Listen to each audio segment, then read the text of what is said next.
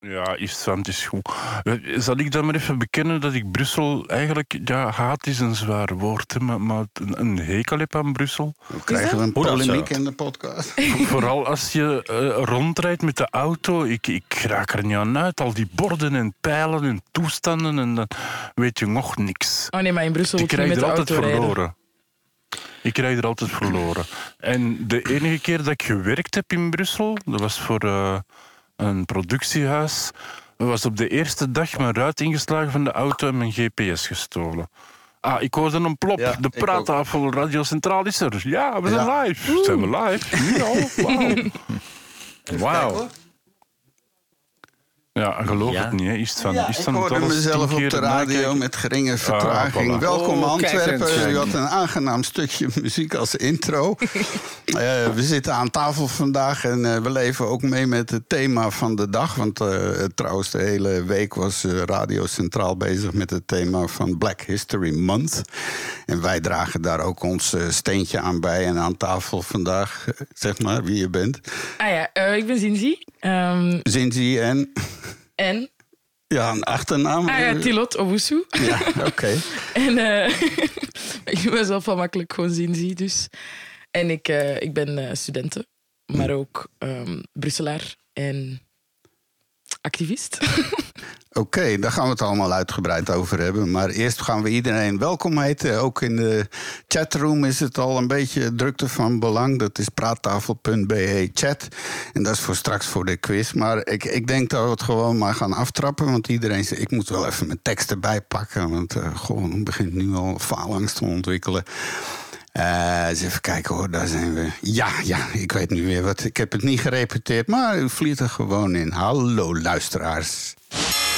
Het is vandaag 3, 21 maart 2023 en u luistert naar Radio Centraal. Alle streamers, podcastfans en op de web. Het, het is de 123ste aflevering van de Praattafel. Radio Centraal presenteert de Praattafel.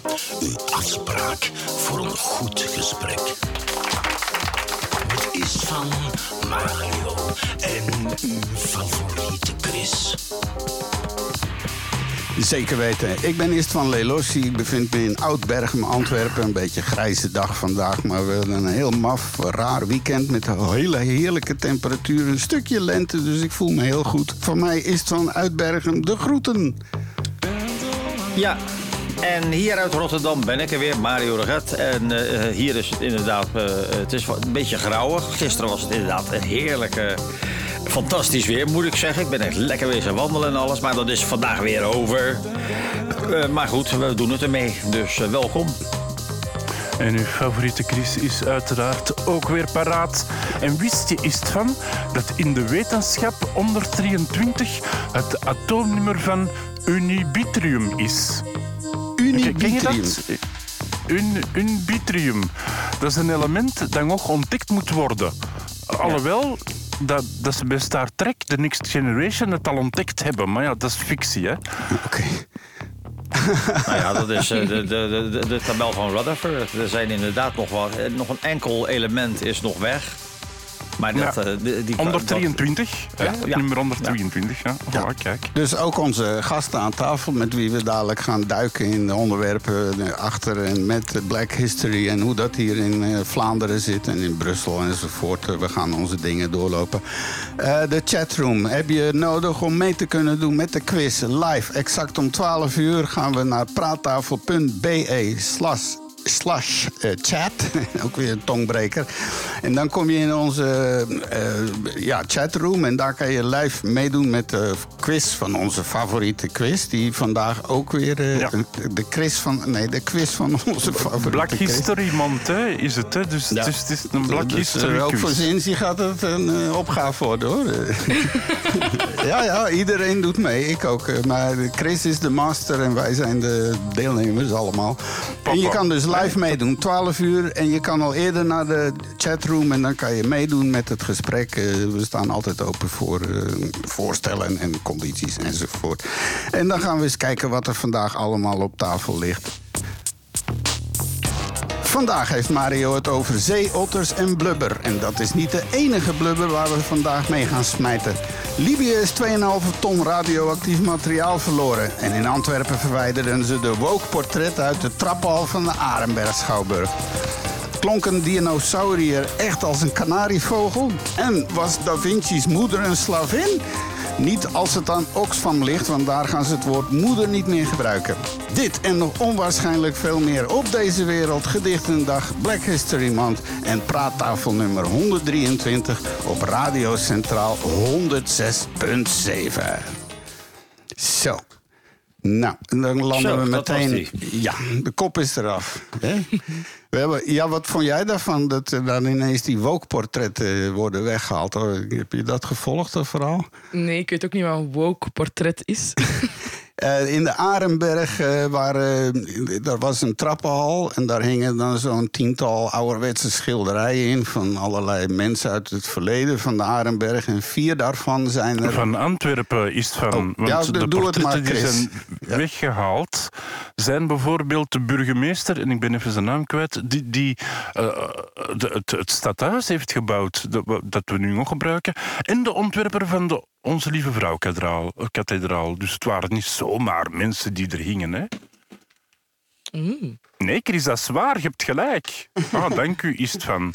Eh, wacht, ik, ik, zal, ik zal eens inzien Ja, dat ze maar ja, ook eh, een eh, beetje mee kan kijken. Ja, ik ben aan het, ben en aan het meekijken. Ik heb het ook een beetje opgezocht, Ah, ja. want ik ben niet, eh, niet helemaal mee. Maar ik eh, vind het heel interessant dat dit ehm, iets te maken heeft met woke op een of andere manier. Want tegenwoordig is alles precies woke.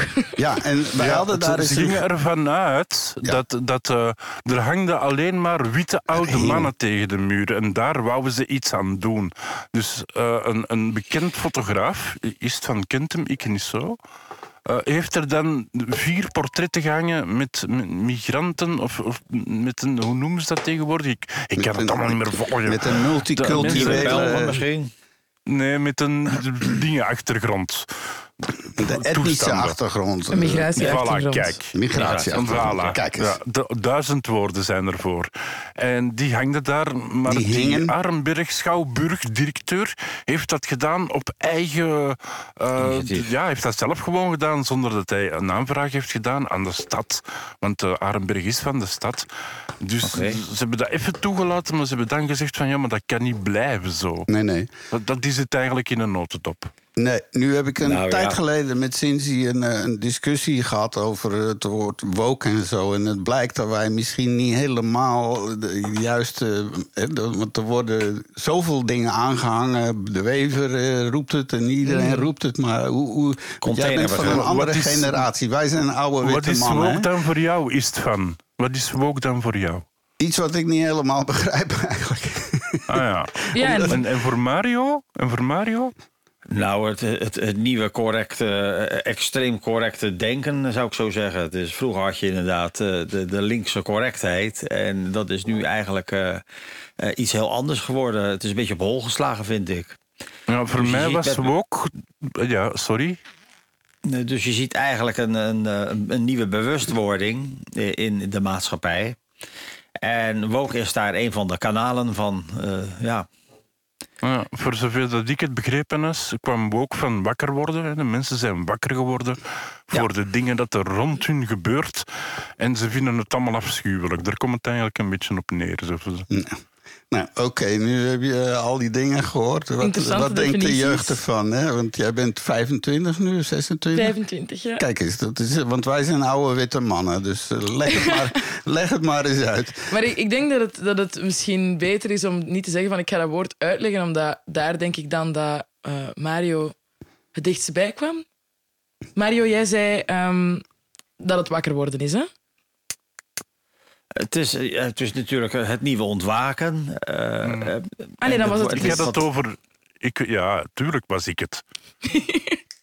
Sorry, ik ben nog een beetje aan het, aan het erin komen. Hè? Maar ik denk, wakker worden, I guess is waar het vandaan komt. Maar de term woke komt eigenlijk vanuit ehm, black culture.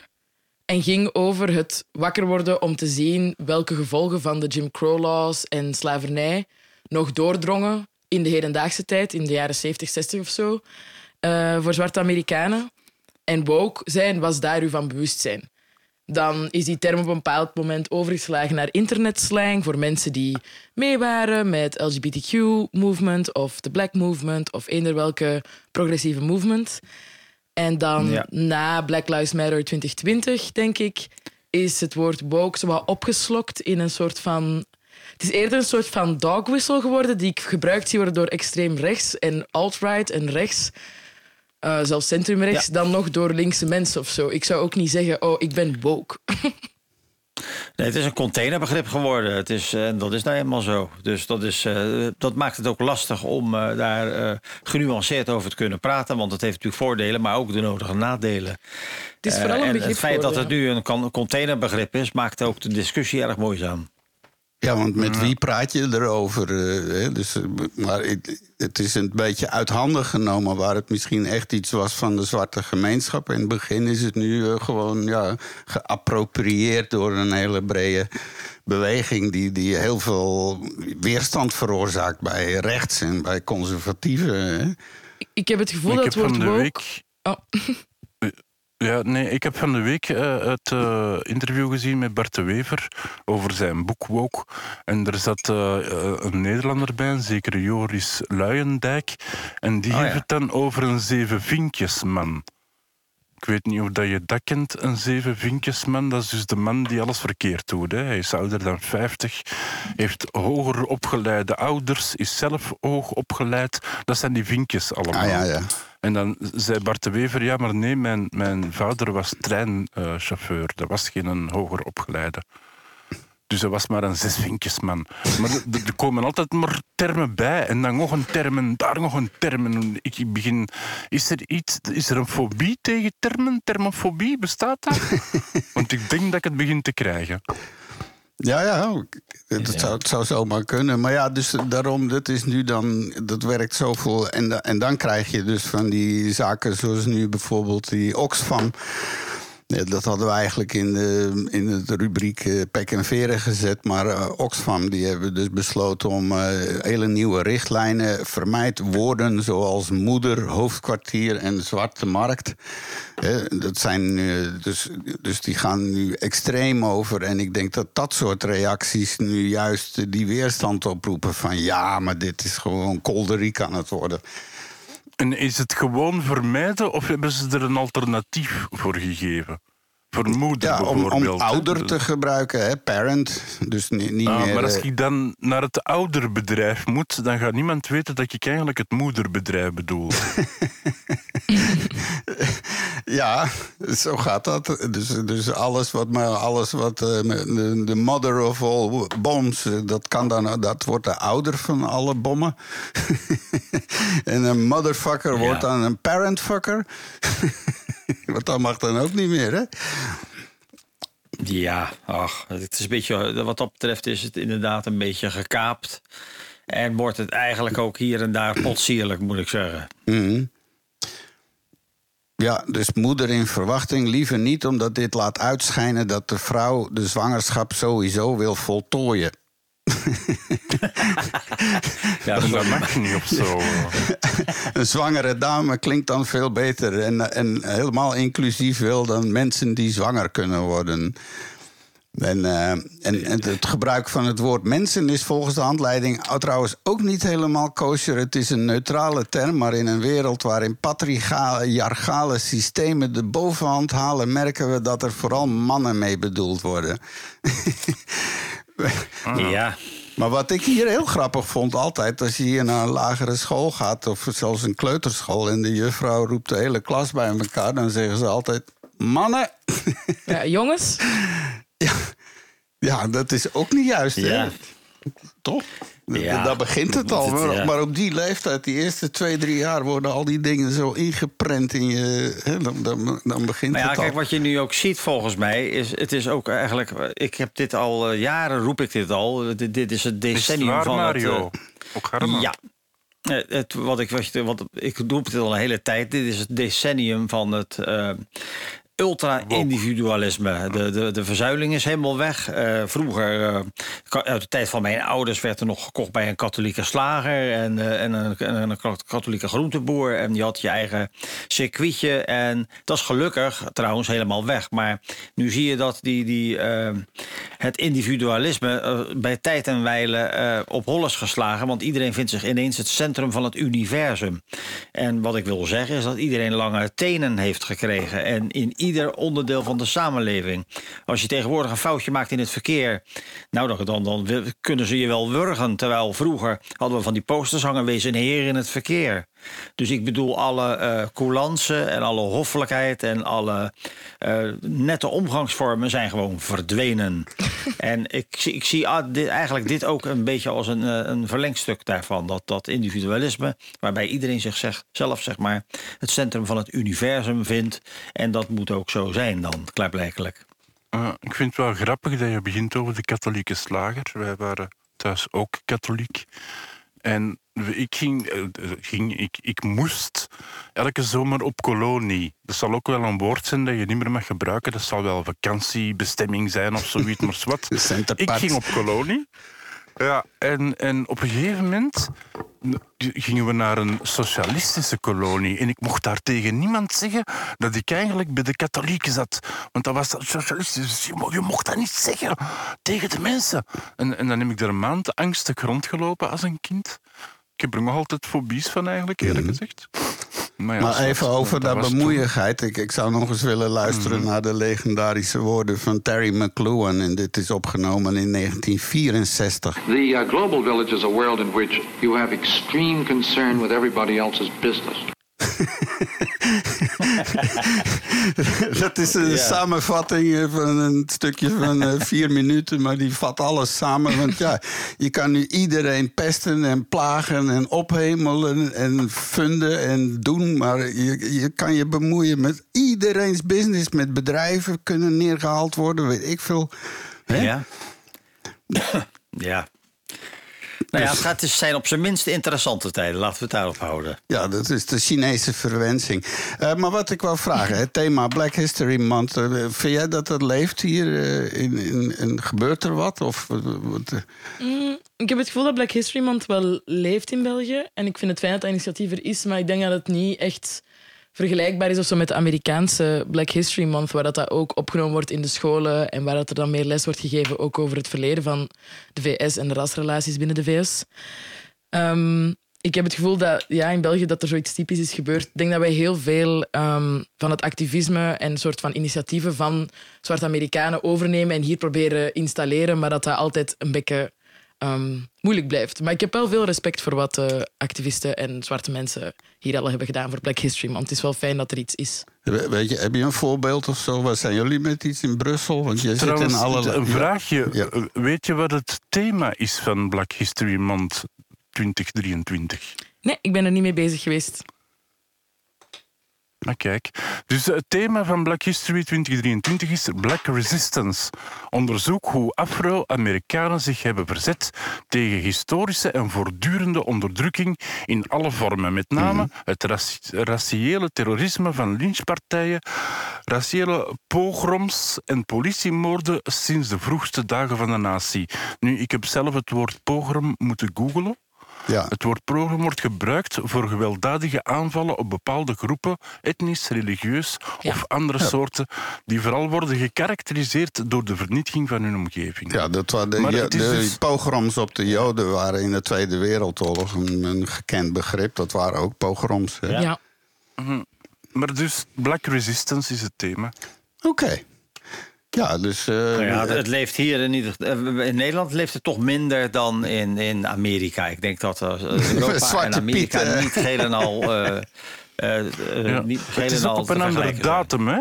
Black History Month in Amerika wordt gevierd in februari. Ja. En, en eh, in Verenigd Koninkrijk, Ierland en Nederland in oktober en België in maart. Oké, jij bent onze factchecker en zo. Zorgen dat het allemaal klopt. Ja, iedere dag weer een ander thema. Ja. Ja. Maar jij, jij bent toch ook wel eh, mee eens dat eh, ras en kleur en zo nog steeds heel moeilijk is in België slash Vlaanderen slash... Ja. Enorm. En ik denk ergens dat we hier in België nog een veel groter probleem hebben dan in de VS. Waar de VS heel goed in is geweest over de jaren, wat ik ze moet geven, is dat ze de dingen zijn gaan benoemen. Het benoemen van eh, raciale structuren en het benoemen van die institu- dat institutioneel racisme en wat dat juist is, is iets waar zij al veel meer in zijn geslaagd dan België. Ook het onderscheid tussen culture-coded en color-coded racism is iets dat uit de VS komt. En heel veel tools van de VS om dingen te analyseren van racisme en weet ik veel welke vorm van onderdrukking hier in Europa, worden eigenlijk via een, eh, ja, een Amerikaans model gedaan. Ja, ja. En ik denk dat we Ja, hier echt nog nergens staan. Oké, maar als, als ik dat dan zeg maar met Nederland vergelijk, dan heb ik toch de indruk dat, eh, als, al- dat zeg maar het toch bij ons minder gesegregeerd is in, in, in West-Europa dan in Amerika. Als je dus kijkt hoe daar de politie omgaat en het, open, het bijna onverhulde racisme, dat zie je volgens mij toch, tenminste als ik over Nederland praat, toch een stuk minder. Is dat? Ik denk dat het anders wel, is. ja. We hebben een andere cultuur. De VS heeft een geweldcultuur en een heel Ja, ja. eh, statige, een soort van ehm ja, heisa-cultuur of zo. En wij zijn zeker in België, Vlaanderen, een beetje gematigder. Maar ik ehm, maak wel gewoon lekker wekelijks racisme mee. En dat zijn dan kleinere dingen misschien. Dus ik zal geen politieagent hebben die mij gaat neerschieten, want dat gaat hier niet zomaar gebeuren. Maar ik word wel makkelijk lastig, lastiggevallen door agenten. Ik denk vorige week eh, nog ehm, ja, ben ik echt ehm, lastiggevallen door een conducteur van de NMBS. Dus het is gewoon ook aanwezig.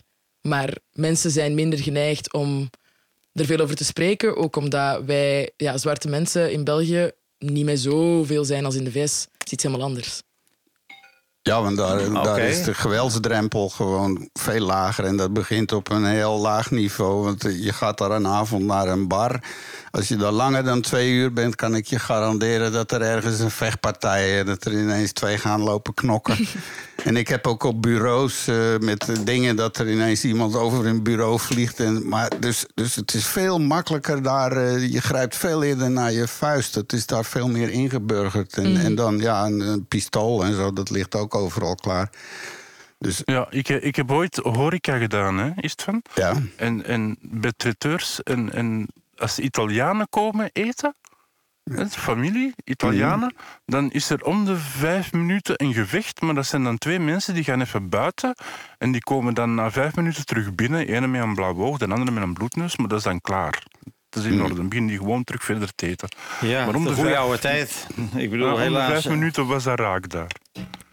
Ja, nou ja, je ziet wel in Nederland dat, dat we de, de volledige jeugd is bewapend inmiddels. En men denkt ook dat, dat, eh, dat het een soort cultureel iets is. Eh, De jeugd eh, voelt zich niet veilig meer, omdat extreme jongeren eh, groepen, met name die drill raps en dergelijke, toch het geweld als stand, tot standaard hebben verheven. En we hebben dus inderdaad best wel heel, hele nare jongeren eh, eh, eh, perikelen met, met Ja, ja. kinderen van 13, 14, 15 jaar die elkaar om zeep helpen. Ja, dat is hier een ook gebeurd. Hè? Pas in uh, Mortsel is ook zo'n jongetje. Dat liep dan al een- van een tijd geleden. Had hij zijn ander iets aangedaan. En dan, nu stonden ze hem op te wachten. En dat zijn allemaal inderdaad schoffies van 15, 16. En die, die hebben geen enkele moraal of niks en zo. Dat is leven voor hun is Ja, totaal sorry dat ik eens stoor, maar ik begin het hier eigenlijk redelijk depressief te worden van heel dat dingen. Mag ik u er ook nog eens aan laten herinneren dat het ook vandaag internationale gedichtendag is? Gedichtendag. sorry, Ja, ja, oké. En die hebben ook een, een thema. Ook nog Wees weer. altijd een dichter, ook in proza. Voilà, dat is hun thema van dit jaar. En, en daar bedoelen ze mee, hè, dichter drukt hun ideeën uit en toont schoonheid in hun woorden en uitdrukkingen. Poëzie is altijd raak aan emoties, ideeën en gedachten. Poëzie neemt de mens mee naar een andere wereld waar hij de ware essentie van het leven begrijpt. Hoe belangrijk is dat niet, van? Heel belangrijk. Essentieel zou ik zelfs willen zeggen. Oké. Maar eh, ja, dan moeten we maar niet hebben over, eh, over die 2,5 ton radioactief eh, materiaal wat zoek is in Libië. Want gelukkig. Ja, dat is toch te bizar voor woorden, inderdaad. ja, Wat kan je, daar kan je een vuile bom mee maken of zo. Ja. Weet ik veel wat het is. Een, een vuile bom die gewoon wat van die rommel laat ontploffen. En dan is gelijk heel de een wijk ontoegankelijk. Zo'n soort Chernobyl-effect krijg je dan. Dus ja, Ja, dat is triest. Ja, het IAEA onderzoekt waarom het daar niet meer is. Wacht even, ze gaan dus in Libië, wat dus in elke terroristenfilm het helle gat van de wereld is, waar ze altijd gewapend met helikopters en dan komt de helft van alle soldaten om en dan bevrijden. Dat is het helle gat van de wereld. Hoe gaat de IAEA daar nou onderzoek doen en zo? Is dat vraag ik me dan af. Hè? Maar heeft Nou, dat geen eh, straling? Kunnen ze die ik straling zie nou zo'n man met een bril en een koffer. Yes, can I please check your... eh, Ja, nee, dat, dat is lastig ook. Dat denk ik ook. Maar ja, wat, wat moet je? Kijk, ze- de IA, die IAEE komt natuurlijk wel overal. En over het algemeen, Ja, ja. we zijn die groepen, het zijn meestal een man of twaalf die dan aankomen in een land. En dan, eh, als het goed is, dan eh, is er uitgebreide eh, beveiliging voor die lui. Want Ja, het is vaak ook in, in, het, in, in eh, het belang van het land dat, eh, dat, dat, dat er gecontroleerd wordt. Ja. Maar Ja. dan hebben ze misschien goede honden die daar hier, zoek, zoek. En dan eh, gaat hij gewoon de woestijn in. Eh, Want het stikt daar van de, die, al die, die islamitische in Mali en Algerije, Oost, die, die heel die Sahel. Dat is daar ene broeinest van allerlei ISIS-achtige types en zo. Ja, en die zitten nu lekker daar met een 2,5 ton aan rare rommel. Maar daar horen we niet zoveel over. Hey, nog één. Ja, maar het is niet hoog, ver- eh, het is niet hoog verrijkt of zo. Hè. Het is niet zo dat als je wat in je binnenzak duwt... dat je dan een, drie weken later dood bent. Nee, nee. Maar het, het kan wel eh, met de nodige moeite verrijkt worden. Dus het is wel een hele griezelige grondstof. Ja, op internet kan je met ChatGPT, je zegt van uh, how, uh, how do I enrich, what do I need, in which shop, make a shopping list. Nou ja, dat kan je alleen maar doen met ultracentrifuges. Hè. Dat is de enige mogelijkheid. Daar heb je er heel veel van nodig, dus dat valt wel mee. ja, ja. Maar met, met, met dat laag verrijkt, ja, dat, het is laag verrijkt. eh, het is natuurlijk wel eh, een griezelige ontwikkeling. Ja, en ook heel vervelend dat dat gewoon gestolen kan worden. Dat, eh, dat, daar houden wij niet van, van dat soort dingen. Hey, Of eh, in de film. ja, zeker. Ik denk dat we over gaan kunnen stappen naar het volgende blokje. Want eh, we hebben vrij veel gehad en we hebben heel veel te doen nog enzovoort. Dus eh, nou, dan gaan we... Oh ja, dat is hem. Oké. Biomimicry. Wat we kunnen leren van de natuur. Ja, een volgepakt blokje vandaag. Eh, Dus een stuk mimicry, maar dan hebben we nog een paar andere dingen. Een paar, a few scores to settle. Oké. Maar ik ja. zou zeggen, dit is Mario's blokje waarin.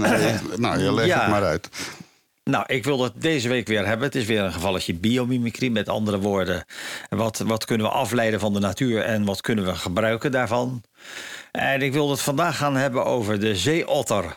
Dat is een, eh, of ook wel de Enhydra lutris. Dat is een hele grote, en het woord zegt het al, in zee levende otter. Want de meeste otters leven gewoon in zoetwater. Maar deze leeft, leeft dus in zoutwater. Hij komt voor eh, bij de noordelijke kusten van eh, Azië en de noordwestelijke kusten van Amerika. En het zijn echte kustbewoners. Ze zijn niet, ze zijn niet pelagisch. Oftewel, het zijn geen dieren van de open zee. Nee, dat niet. Eh, het zijn grote dieren. Als je het vergelijkt bij het zijn de grootste marterachtige, tussen de 14 en de 45 kilo. En ze hebben een uitzonderlijk dikke vacht. En daar wilde ik het over gaan hebben. Want die vacht is best wel heel bijzonder. Want als je kijkt naar zeezoogdieren, die doen dat allemaal op een dat isoleren. Het water is koud en die doen het allemaal eigenlijk op een beetje een standaard manier. Eh, een dikke speklaag. Bij walvissen noem je dat blubber. De blubber van de walvis kan, kan decimeters dik zijn. En ook zeehonden, zeerobben. Zeeolifant, dat, dat is gewoon zo'n blob. eh, Jabba de dus, Hut. dus de- ja, zeker. Dat zijn enorme speklagen. En dat is eigenlijk alleen maar, eh, zeg maar tegen die kou. En natuurlijk ook wel wat opslag voor eh, magere tijden. Maar voornamelijk isolatie. ja. Maar niet, de zeeotter die heeft geen blubber. Want het is wel zo dat naarmate een dier kleiner is... wordt het minder rendabel om daar vet voor te gebruiken. Want dan, heb je, dan word je een propje, dan ben je niet snel meer. Eh, een, eh, dus, dus je moet een zeker formaat hebben... wil, wil je met die blubber weg kunnen, kunnen komen met die speklaag. En otters doen dat op een totaal andere manier. Die doen dat met een hele eh, gespecialiseerde soort vacht eigenlijk. Trouwens, eh, ze, zijn, ze, wa- ze, eh, ze hebben op het punt gestaan om uit te sterven.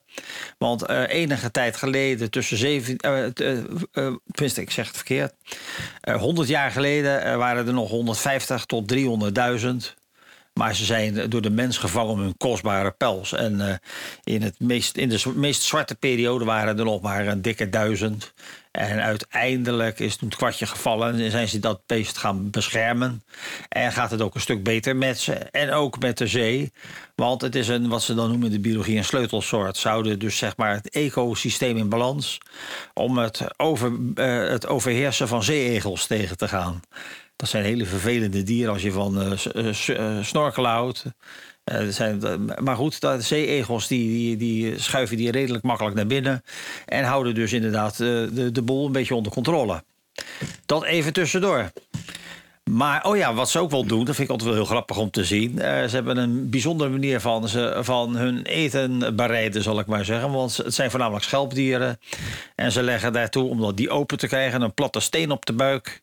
We eh, zwemmen ondersteboven en slaan zeg maar die, die, die mossel of die oester kapot op, dat, op die steen. Dat vind ik wel heel eh, slim bedacht eigenlijk. Is er een andere manier, Mario, om dat te doen? Nou ja, zeker. Je hebt natuurlijk best wel veel dieren die, die eh, oesters kunnen kraken met hun gebit. Maar eh, Zeemeeuwen die vliegen ermee weg en die laten die vallen onderweg, Ja. ik.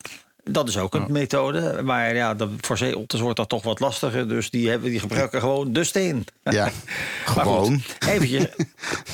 nou ja, heel bijzonder eigenlijk, ja. Ja. Maar als je dan kijkt naar de vacht. Dat is dat dons wat daarop zit. Het, ze, hebben- twee typen haar. Eh, ze hebben vrij lange haren en ze hebben eh, een, een kort haar. eh, wat ook veel dikker is, of wat ook veel eh, compacter is dan die lange haren. En dat dikke dons is ongeveer duizend keer dichter dan mensenhaar. Eh, d- dus eh, dan moet je je bij je voorstellen, op een stukje zo groot als een postzegel kunnen 165.000 haren staan. Wow. Eh, en eh, die kunnen ook luchtbellen vasthouden. En het bijzondere is, het is een soort eh, biomechanisch principe. Waarbij het als dus werkt, de langere haren die isoleren als het ware die, die korte haren, zou je kunnen zeggen, op een bepaalde manier. En de korte haren slaan lucht op. En een team van onderzoekers van het MIT, dat is het Massachusetts Institute of Technology, dat is zeg maar de Technische Universiteit. Eh, die hebben die eigenschappen voor het eerst onderzocht. Want dat, niemand had daar nog echt onderzoek naar gedaan. En ze hebben ook hun eh, resultaten gepubliceerd in Physical Review. Dat is een, eh, dat is een heel beroemd blad. En dat zou, hun bevindingen zou een leidraad kunnen zijn voor nieuwe ge- eh, bio-geïnspireerde materialen zoals harige, warme wetsuits. Want eh, die mechanica, dat was dus nog niet onderzocht. En men heeft ook ontdekt dat die langere haren de waterdruppels op een hele specifieke manier vasthouden, waardoor ze niet naar die korte ondervacht glijden. En ook het bijzondere is ook, het werkt ook, het heeft niet alleen te maken met isolatie, met, eh, eh, maar het heeft ook te maken met hoe snel dat beest in het water schuift. Dus de snelheid van verplaatsing is ook essentieel. Dus het heeft een hele bijzondere biomechanica. Ze hebben dat ook getest. Ze hebben dus pelsachtige oppervlakte gemaakt met duizenden zachte rubberen haren. Die dan zeg maar dat otterbond nabootsen. En dat hebben ze op een gemotoriseerd podium gebach- gebracht en eh, steeds ondergedompeld in siliconenolie. Dan kan je dus, dat is ongeveer dezelfde, eh, dat kan je heel goed vergelijken met water en is wat makkelijker te onderzoeken. En eh, ze hebben dus zeg maar, eh, ze kwamen daar dus achter dat hoe sneller het materiaal werd ondergedompeld, hoe meer lucht erin zit. En nu hebben ze dus een soort vergelijking. Eh, lucht is ongeveer 20 keer minder thermisch dan water eh, qua geleiding. Dus het is dus een prima isolator. De huidige wetsuits en duikpakken, dat is allemaal neopreen. Maar dit systeem is tien keer beter dan neopreen. Eh, en dus er is een hele range van nieuwe producten die de markt zouden kunnen bereiken. Want je hebt dan eh, in plaats van een duikpak heb je een, eh, een, een soort warmpak die je aantrekt. Die is lekker, lekker bont van binnen. En is veel iso meer isolerender. En stukken lichter. Dus nou ja, dit, dit is dus inderdaad eh, eh, mijn verhaal. Mo- Moeten we was dan die zeeottertjes weer allemaal slachten om zo'n pak? Nee, dat gaan ze natuurlijk eh, eh, zelf maken eigenlijk. De- dat wordt natuurlijk een... eh hoe wordt het weer? Dit Een, wordt gewoon eh, synthetische een, zeeotter. Ja, ik, ik, voor- ik voorspel dat er met een jaar of tien de eerste duikpakken gaan komen met bont aan de binnenkant. Lijkt me ook heel Alright. erg prettig, want ik heb ooit één keer mogen duiken in de tropen, maar het water is nooit 37 graden, eh, wat jouw lichaam dus wel is. Dus, dus na een uur onder water heb je het stervenskoud. En dat hoeft dan niet meer. Nee, nee. Dus, Oké, dat is een... Doe het maar, Mario. ja. Het, eh, het heet trouwens ook, het productieproces heet ook industriële dipcoating. Vind ik een leuk woord trouwens. Maar goed, dat even tussendoor. Oké. Eens Ja. even kijken. Nu we toch in het blokje bio zitten. Oh, oh, oh, wacht, sorry, dat, dat is iets te snel. Nu we toch in het blokje. We hebben één eh, een afrekening te doen met een, eh, wat je noemt dan een running gag. En eh, dat is vooral iets wat Chris bezig hield. En dat is, het gaat over de stembanden van de giraf. Oh ja. Ah ja, de, de onbestaande stembanden van de Ja. giraf. Ja. Nou, en eh, dus we laten het even horen, want ik heb hier een eh, fragment gevonden. Wacht, wat is het van. eh, ik zal eens even kijken. Ja, dat was toen het beest. Je moet je voorstellen, een girafke wat net geboren is. calves, usually at one or two days of age. Uh, and I think that'll prove interesting for us. Dus dat beest zit nu in een eh, kooi en de twee verzorgers lopen er naartoe. En dus wie dat was beest dat? wordt aan-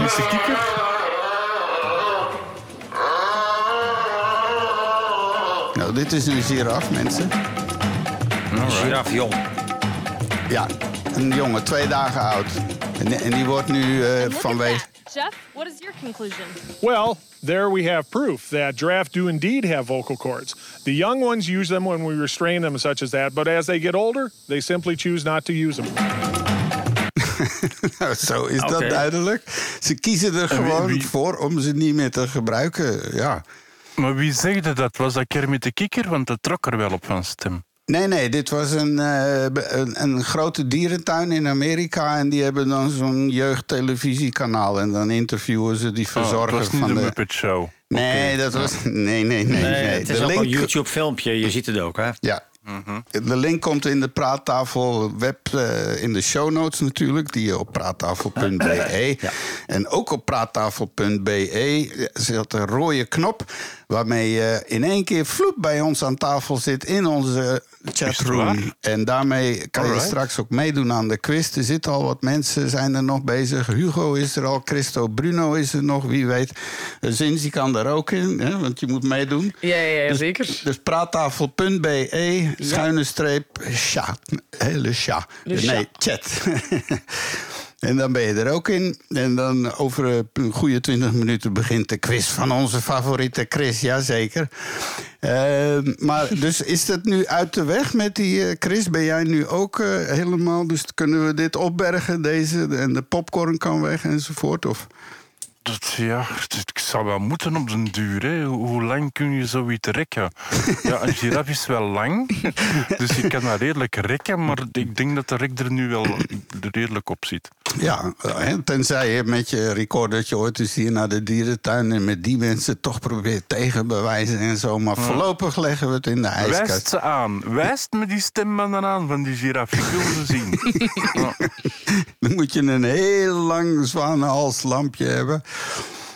Dus eh, goed, daar hebben we opgelost. Eh, nu, nu we een beetje in de bio-bio-dingen. Want eh, dat is dan meer van genetische aard. Dat is ook wel boeiend. Dus wat nu schijnt, het, na nieuw onderzoek, een nieuw document bewijst dat Leonardo da Vinci, hè, de grote kunstenaar, afstamt van een slavin. Jazeker. Het is niet waar. Eh, je zou zeggen, slavernij is eh, altijd slecht op alle mogelijke manieren. Maar in dit geval zonder slaaf geen Da Vinci. Hè? Ja. Ja. Ze zou een slavin geweest zijn, afkomstig uit de Caucasus. Dus eh, ja, ja, is dat relevant? Eh, nee. nee. nou ja, het, het- het is- het is alleen maar. Wat is er wel relevant, Mario, hier aan deze show? Oké, eh, eh, iets anders dan. Kan artificiële intelligentie patiënten met reumatoïde artritis helpen? Dat, daar heb je wel iets over te vertellen, neem ik aan. Nou, zeker. Want als je dus kijkt hoe we, als je reumatologen neemt, als je die opleiding volgt, eh, eh, zeker als je eh, zeg maar op het lab zit, wat je dan doet, is eh, over het algemeen wordt alles eh, gediagnosticeerd met röntgenfoto's. En eh, mensen leren daar eh, in, tijdens de opleiding die foto's te interpreteren. En daar doe je best wel heel lang over. Dat is echt wel iets, dat is vingerspitsengevoel. Op een gegeven moment heb je het door. Maar ja, eh, we hebben nu AI en die, die, eh, je- voert hem honderdduizend, misschien wel een miljoen van die foto's bij wijze van spreken. Ja, en uiteindelijk gaat dat dan veel beter dan eh, iemand die dat gewoon eh, zelf doet. Dus eh, dit is dus een prima voorbeeld hoe dus AI eh, de wetenschap kan helpen met dit soort onderzoek. En dit is maar één voorbeeld. Maar zo zijn er natuurlijk nog meer. Zo met Dus borstkanker en zo zal dat ook wel zoiets worden dan. Hè? Want dan moeten ze ook allemaal op foto's interpreteren enzovoort. Nou, inderdaad, als er echt geïnterpreteerd moet worden. eh, en, als je dat alleen kan bereiken door middel van ervaring en inzicht. dan kan je inderdaad AI daar prima voor gebruiken. En dat vind ik een, fijne, dat vind ik een hele fijne ontwikkeling. Mhm. Absoluut. Want eh, ja, met name reumatoïde artritis. eh, de- eh, nou, het zal in België niet anders zijn, maar heel Nederland is aan het vergrijzen. Dus dat gaat ook een. een, de, men, de verwachting is dat buitengewoon veel mensen daar tegenaan gaan lopen. We worden ouder. eh, en, en gebrekkiger. Dus ja, dit is typisch een ouderdomsziekte, reumatoïde artritis. Ah, ja. Dus de, dat is een, ik vind het heel erg positief, dit. ja, wat dat betreft zijn er best heel veel eh, voor, voor ontwikkelingen in de medische toestand en zo eigenlijk. Van, Ja. eh, maar gaan we dat nog allemaal meemaken enzovoort enzovoort. Ja, wat, wel, wat ik wel een heel bizar gegeven vind, is dat onlangs eh, gebleken is dat eh, als je dus kijkt naar wat, wat verbruik je aan medische zorg in, de, in, in eigenlijk je hele leven, dan ver- verbruik je bijna 90% van al die zorg in de laatste vijf jaar van je leven. Ja. De vraag is, eh, eh, moet dat zo? En heel vaak, het, en, en heel vaak 90% in de laatste week of drie maanden... als je ineens zwaar wordt opgenomen en eh, in de IC terechtkomt... en weet ik het allemaal. Maar dat is, dat ja, is dat vind, ik, gewoon... een- dat vind ik een boeiende ethische vraag. Moeten, moeten we dat het leven echt eh, ten koste van zoveel andere zorg... Zo, dit zo blijven rekken tot het de laatste Maar Ja. dat is natuurlijk een ethische vraag. Dat is Nou ja, er was laatst die documentaire op eh, Belgische tv... en Nederlandse documentaire, dacht ik. Het was van een arts uit eh, Brabant. En die was zelf, eh, een dame die, die zelf gediagnose heeft van Oh longkanker. ja, heb ik gezien. En Ja. die, die dan dus eh, mensen begeleidt in hun eh euthanasie. Ja, en pa- ook die doodziek zijn. En dan, ja, sommigen Ja, die... palliatieve die, zorg. Ja, die leven echt verschrikkelijk met pijn. Eh, Jij kent het, hè? Je hebt, jouw moeder Ja. is helaas ook eh, overleden aan kanker. Ja. Ja, maar Ja. Ik, ik geloof ook niet in het rekken van mensen hun leven of zo. Ik denk dat dat, als mensen echt graag willen blijven leven, ook al hebben ze heel veel pijn en zo, moet dat natuurlijk kunnen. Maar er zijn ook genoeg oude mensen, mensen met veel pijn, die sowieso zoiets hebben van op deze manier hoeft het voor mij niet meer. Mhm. En ik denk dat dat iets is dat we misschien als maatschappij, waar we wat te schrikachtig of zo tegenover staan, om mensen hun eigen leven te laten beëindigen als ze dat willen. Nog steeds. Mijn Nou, moeder waar had een woord, papier ja. op zak waar dat op stond dat ze niet gereanimeerd wil worden. Ja. Mhm. Moest Ja. dat ooit nodig zijn. Ja. Nee, vind ik ook, dat vind ik ook, inderdaad. En dan zijn er toch van die verhalen van mensen die toch gereanimeerd zijn. Hè? En die dan dus heel boos wakker worden eigenlijk. ja, nou, Nou ja. ja, zeker.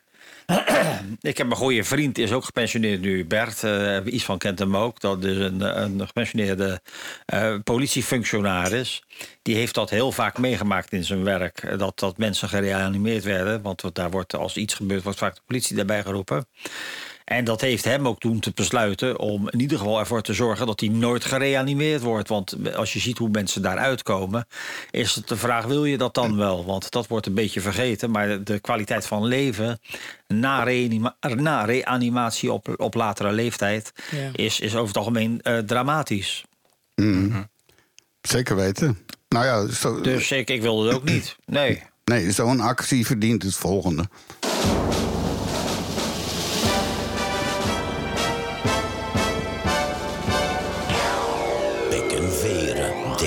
Deze keer.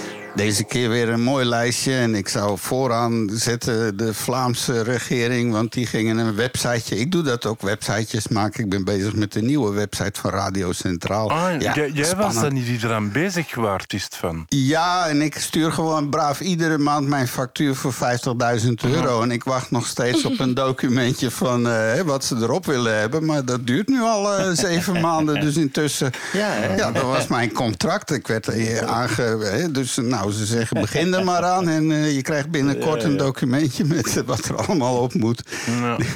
Jesus Dat is al Christ. zes jaar bezig. Ja, en, en tot lieve mensen 700.000 euro. Dat is dus iedere Vlaming eh, betaalt daaraan mee.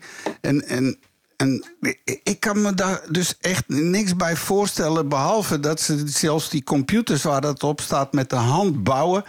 Met, met bouwpakketten uit China. En er zitten gewoon half vol met mensen die dingen in elkaar te solderen. Of, of, of, of schrijven die een heel eigen computertaal. Het is een website van een Tweede Kamer. Niet van de hele regering. Niet van de. Hoe kan dat? Ja, Ja, en het is gesubsidieerd. Het is mislukt. Dat geld is 700. weg en er is geen site. ja, Heel dat bijzonder. is het. eh.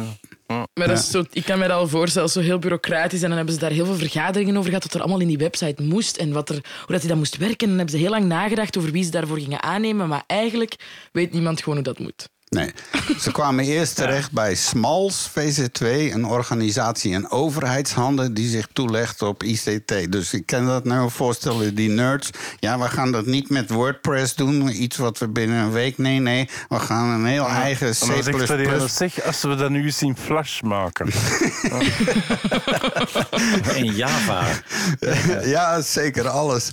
Eh, Dus het eh, werd eerst geraamd op zo'n 159.000 euro. Maar dan eh, werden ook bedragen in rekening gebracht voor uitbaat, onderhoud en verbindingen tussen de verschillende webpagina's. Hé, hey, ze hebben verbindingen tussen verschillende webpagina's.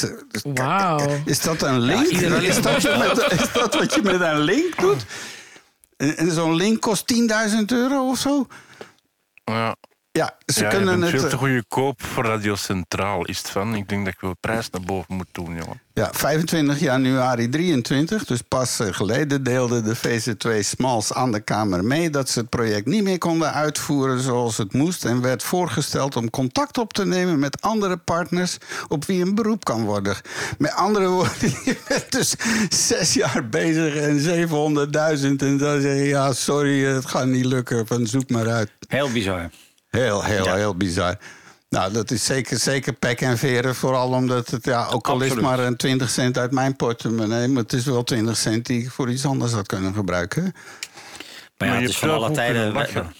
Ja. Ja, we hebben nu in Nederland hebben we ook zo'n dingetje aan de hand. De politie die kon bij de laatste acties konden niet meer tijdens een gevaarlijke toestand, eh, waarbij eh, een gevaarlijke verdachte moest worden aangehouden door verschillende teams, konden niet meer met elkaar communiceren omdat het communicatiesysteem eh, s- eh, 2000, zoals dat daar heet, Ja, niet ja. werkte. En daar wordt al jaren over gesteggeld. Ik ken en- dit en nog van keer- toen ik in 93 in Nederland hoorde Ja. ik er.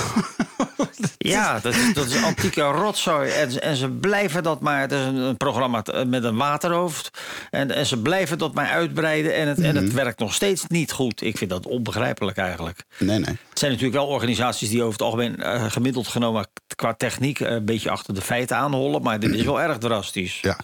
Nog even een oproep, eh, want het is nu nog een minuut of tien voordat de quiz gaat beginnen. Lieve luisteraars, ga naar praattafel.be schuine streep chat en kom in de chatroom en dan kan je meedoen aan de Black History Month special quiz trivia verschijning van onze favoriete Chris. En als, als je het goed vindt, eh, veel, veel likes, dan wordt het ook jullie favoriete Chris. Maar die van ons is die alvast. Dus zie je dadelijk in de chatroom voor de fantastische quiz.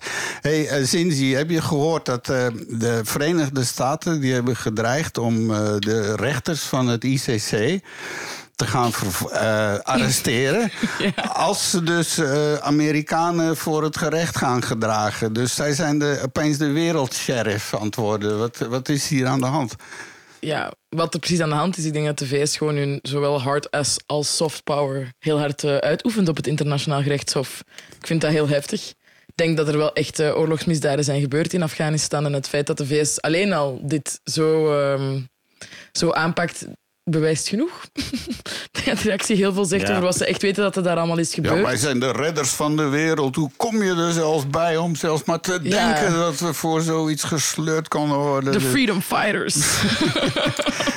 Ja, ik, ik denk dat hun redenatie is... ja, wij zijn de politieagent van de wereld... en dan moet het ons niet gebeuren dat we dan ook nog ons moeten verdedigen... terwijl wij het vuile werk opplak- opklappen. Maar dat gezegd hebben, dan moet het natuurlijk wel zo gebeuren. Want in ieder systeem, ook, eh, ook de Amerikanen... dienen zich te, te, te buigen naar eh, zo, zoiets als eh, een, het ICC. Er moet een overkoepelend orgaan zijn...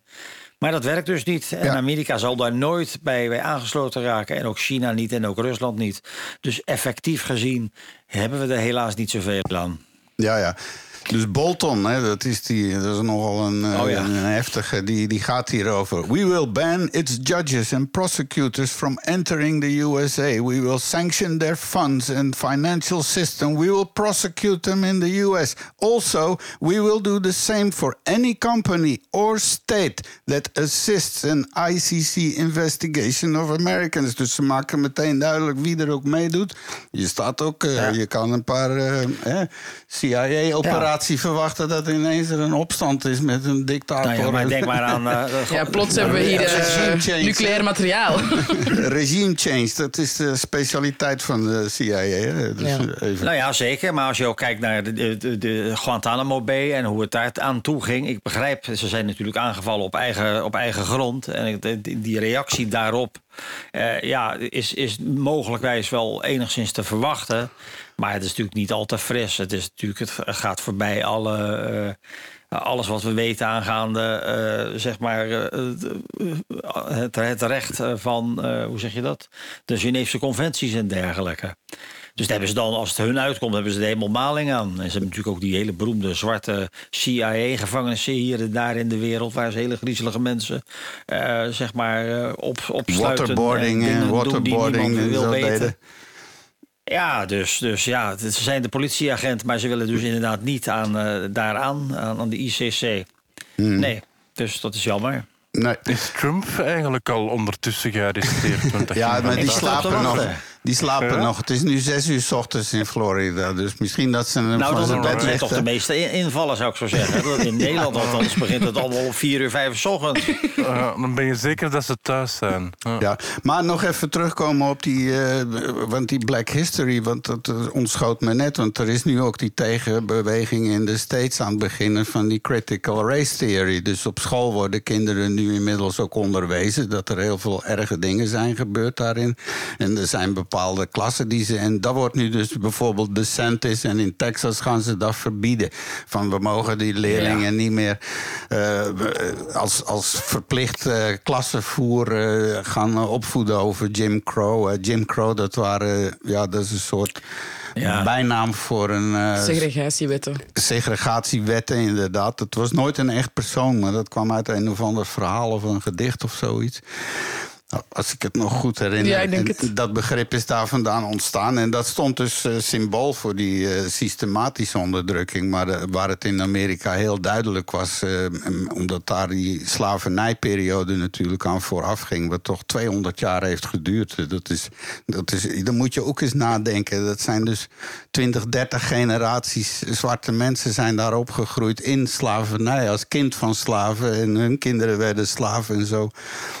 Dus dat heeft heel lang geduurd en dan is het afgeschaft. Maar dat hadden wij hier niet zo direct. Dus wij hebben een heel andere manier van omgaan met. Hè? Ja. Ja, maar ja, je ziet toch dat, dat, auto, eh, dat, eh, je ziet toch dat er veel regeringen nu, het is een wat mondialer probleem, hun eigen geschiedenis aan het herschrijven zijn. Kijk maar naar eh, met name de, de voormalige wereldmachten. Denk maar aan eh, Turkije, die, die, die doen alsof ze gek zijn. Want eh, die, die, de Armeense genocide, dat is gewoon niet waar. En dat doet China. En dat is, vele landen die vroeger groot zijn geweest, doen dat. En je hebt een, slechts een kleine hoeveelheid landen... die proberen eh, gewoon op een goede manier af te rekenen... met hun foute geschiedenis. Denk aan, aan Nederland en de excuses. En, dat, is, dat, is, dat is de tweede stroming. En, en ik zie dit in het verlengde daarvan... dat Amerika aan het afglijden is richting een autocratisch systeem... in plaats van een democratisch systeem. Met die rare rechtse eh, Tea Party en de, en de exponenten als Trump en DeSantis. En, eh, Ja, ik de- vind dat allemaal de- erg de een griezelige ontwikkeling. De, de Tea Party, dat zijn eh, nu nog Boy Scouts. Dat zijn nu padvinders bij wat er nu aan de hand is. Want die types die Ja. er nu zitten, die, die eh, Marjorie Taylor Greene en die Lauren Boebert en zo. Lauren Boebert, ja. PragerU-types. kan je je naam Ja, achteruit spellen en zo? Niet helemaal, maar dat is ook niet nodig. En, lieve mensen, het is nog twee minuten voor de, voor het, eh, voordat we het gaan doen. In ieder geval ga ik nog even wat promotie maken voor onszelf. Wij zijn de Praattafel. Het is een podcast en een radioshow. Je kan ons vinden op eh, Facebook. Op eh, Google, Google maar de praattafel. De eerste twee, drie pagina's die zijn allemaal van ons. Dit is intussen aflevering 123. Als je verder niks te luisteren hebt, kun je op onze site alle afleveringen terug horen. Eh, Die komen bij je ook eh, via Spotify en Apple en Google en waar je ook podcasts haalt. Je kan meeluisteren. En het is dus elke dinsdag live. Op dit moment zijn we bijna aan het midden. We zijn een minuut of wat verwijderd van de quiz van onze favoriete Chris. Je kan ons ook volgen op Twitter. Dan weet je elke keer wanneer er een nieuwe aflevering is. En zoals ik al zei, overal waar we te vinden zijn. Waar de meisjes zijn, waar de jongens zijn, waar de mensen zijn. Oh jee, dat mag je allemaal niet meer. Oh, eh, het leven wordt steeds ingewikkelder. In elk geval, als je leuk vindt van wat je hoort, laat ons dat weten. Stuur ons een like eh, op de Facebook. Je kan ook dingen vragen op onze praattafelpagina. Met andere woorden, we zijn de meest toevallige show. Dadelijk beginnen we aan de quiz. Eh, Er is nu nog 30 seconden. En eh, Chris die loopt al heen en weer achter het decor. In zijn glimmende schoenen, met zijn glimmende jasje en zijn glimmende... het is schuifelen vandaag, hè? Is het van schuifelen? maar wel glimmend, wel glimmend. Ja, absoluut. Shiny waggelen Misschien, oké. Quiz Show. En eh, met Chris. Dus je kan nog aanschuiven. Kom naar praattafel.be. Schuine streep chat. C-H-A-T. En je zit bij ons vloep aan tafel. Ik ben Zinzi even kwijt. Die heeft zichzelf weer uitgelogd. Heb ik mezelf uitgelogd? Ja, want Oh, nee. eh, je bent wel de eregast vandaag. Ja, ja, ja. Dus, ja. eh, Ik dacht dat ik erin zat. Alright, dus... eh, En wat kunnen ze winnen vandaag? Is het van? Leg het eens uit. Nee, dat gaan we pas aan het eind vertellen. Want anders wordt, Ah, anders wordt de strijd te bloedig en zo. Dan gaan mensen dus dingen Was dat doen. niet een, een etentje met zinzi? Had ik verstaan, want ik weet alle antwoorden. En dan was ik niet van op de hoogte. Oké, nou, kijk luisteraars, nu weet u hoe dat gaat met eh, mainstream media. Het is allemaal eh, uit van tevoren, allemaal, allemaal, het is allemaal theater van de mind. Goedemiddag, wakkere praattafel podcastluisteraars op Radio Centraal. En welkom op de quiz van onze favoriete quiz. En voor vandaag hebben we weer een dozijn kakelverse, boeiende vragen waar we graag ook antwoorden op zouden willen krijgen. En als het even kan, de juiste antwoorden, nietwaar? En u kunt dus ook meespelen, beste luisteraar, en antwoorden via onze praattafelchat op praattafel.be en op chat te drukken. Of je kan ook hard roepen, nietwaar? We zijn er dus klaar voor en ik heb er zelf ontzettend veel zin in. Laten we starten met de quiz van onze favoriete Chris. Nou, het zijn eh, deze week tien vragen, maar ik heb ze extra moeilijk gemaakt. Oké. Want Het is eh, ook Black History en, en daar gaat de quiz een beetje over. En, en, en, en tien vragen, ja, doen. Ja, ik wou zeggen tien vragen, want op den duur ben je aan het zeggen... en wie is die persoon, en wie is die persoon? En er zijn er zoveel. Dus tien vragen, ja. En dan nu vraag 1. Inderdaad, vraag 1. Een Black History Month. De viering van Black History Month begon in 1926 en werd opgericht door Carter G. Woodson, een bekende Afro-Amerikaanse historicus, geleerde, opvoeder en uitgever. Maar hoe noemde het oorspronkelijk? 30 seconden en alle vingers tappen, Wikipedia. Dus, eh, ja, dat mag hoor. Het, is, tegenwoordig gaat het erom hoe snel je. Ik, ik doe niet eens mee, want ik weet er helemaal niks van. Ik ben wat dat betreft. Ik weet het eh, ook. Ja, is het Ik, van... ik heb een hoop opvoeding nodig. Ik ben wat dat betreft. eh, Doe echt toch een poging. Alles waar. eh, eh, weet ik veel. Proberen, ja, geen flauw idee. Zoiets. Ja, gokje. Ja, oké. Nou, nu ik het zie, dan denk ik ook. eh, Ja, de National Association for the Advancement of Colored People. Ja, denk ik dan maar. Ah, oké. Ja, dat, goh. Dat was dat dat dat fout weet. Ja, ik heb daar gewoond, dus ik, eh, dan, dan lees je er Ja, bijna ja, elke ja, dag nou, over. ja, Dus, ja. ah, nou, ja. Sinds nu- maar dat nu- en ineens weet jij dat. Ja, dan doe ik Dat een muntje. beetje- Dus, dus voor mij niet, niet eerlijk voor mij dan. Oké, jongens. Nee, nou, hè, zeg het maar. eh, Het antwoord. Negro History Week. Dus je snapt waarom dat ze het veranderd hebben. Ja, Oh, nou. heftige naam. maar toen niet zo heftig. dus niemand scoort. Toen niet zo, nee. En dan vraag 2. Nou ja, vraag 2. Wie wordt gecrediteerd voor het helpen aanwakkeren van de burgerrechtenbeweging toen ze in 1955 weigerde haar openbare busstoel af te staan aan een blanke Oh ja. man in Mont- ja. Montgomery, Alabama. Ja, hoe heet het ook alweer? En dan kwam de Montgomery busboycott. Ja, ja. ja, het, het, het- ja. Ik herinner, Zinzi schrijft Rosa Parks, maar dat is het. Dat is het, Dus ja. de, inderdaad, Rosa Parks. Ja. En zij wordt gecredit, maar eigenlijk was het niet haar... ehm, eer- was zij Ja, niet de eerste die deed? Is het de quiz van de favoriete Zinzi of de quiz van de favoriete Chris? Nee, daarom, we moeten even stil blijven, hè, want er wordt nog...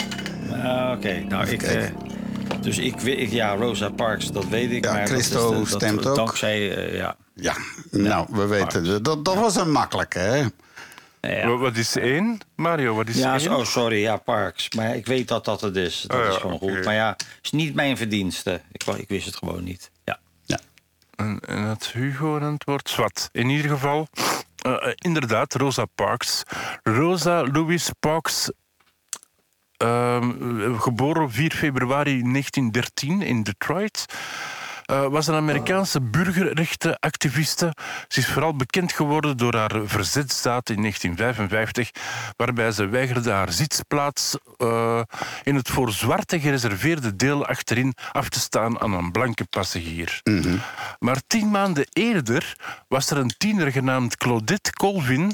Zij werd in 1955 gearresteerd omdat ze weigerde haar busstoel te geven voor een blanke vrouw. En sommige lokale burgerrechtenleiders zagen het evenement als een kans voor het oneerlijke busbeleid van de stad te benadrukken, maar besloten dat Colvin te jong was om de strijd te vertegenwoordigen. Kijk. Oké. Zo rolt de geschiedenis dan ineens in de schoot van mevrouw Parks. En dan zitten we trouwens al aan vraag 3. Ah, vraag 3. Wie waren de negen van Little Rock? Ik weet niet eens wie de, wie de acht waren. Ja, de, ja. Ja, de Birmingham voor, de, de Guildford voor, maar de negen van... Nee, geen flauw idee. Nee, dat weet ik echt niet. Ik, ik denk een groep gelyncht. eh, ja, Dat denk ik ook. Dat- dat- ja. denk ik maar. Ja, een lynchparty. Ik zet het ook nog even. Dit, was een lynchparty, vermoed ik inderdaad. Patapatapa. Ehm de, uh, Zinzee heeft het ge- gedeeltelijk juist. Het waren dus de zwarte scholieren die voor de eerste keer naar een volledige witte school gingen. Oh. Dat was in 1957. Ehm, ja, in Arkansas. Dit was mogelijk geworden door de rechtszaak Brown and Board of Education, waardoor de rassenscheiding op openbare scholen werd afgeschaft. Oké. Ehm, ja. Nou. En dat waren dus acht kindjes. Oké. En waarom zijn het dan de nine? Ah, dat waren negen kindjes, sorry. ik was aan het ja. scrollen. Ja, ik ik ben was aan het scrollen. Ja, want anders krijg ik weer honderden e-mails en zakken vol met briefkaarten, weet je wel. Klachten. En dan komen we bij vraag 4. In 2008 werd Barack Obama de eerste zwarte president van de Verenigde Staten. Maar wie was de eerste zwarte vice-president? Ah, dat weet ik. Ja, dat heb ik geweten. Ja, inderdaad.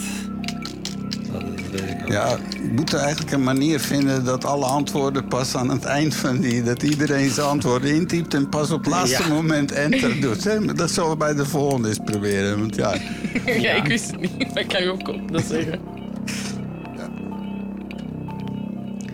Ja, dus... dat dus- kan best zijn, Ja. is het van. Maar als de eerste een fout antwoord geeft, dan zijn die anderen ook niet zo goed ermee. Ja, maar is dat ik nu fout dan?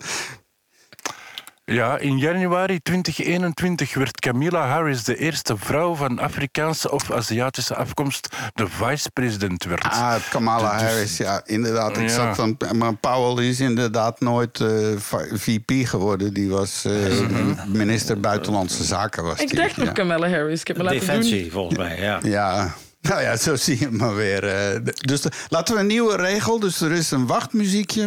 Niemand zegt wat. En allemaal denk, denk, denk. En dan als het wachtmuziekje stopt.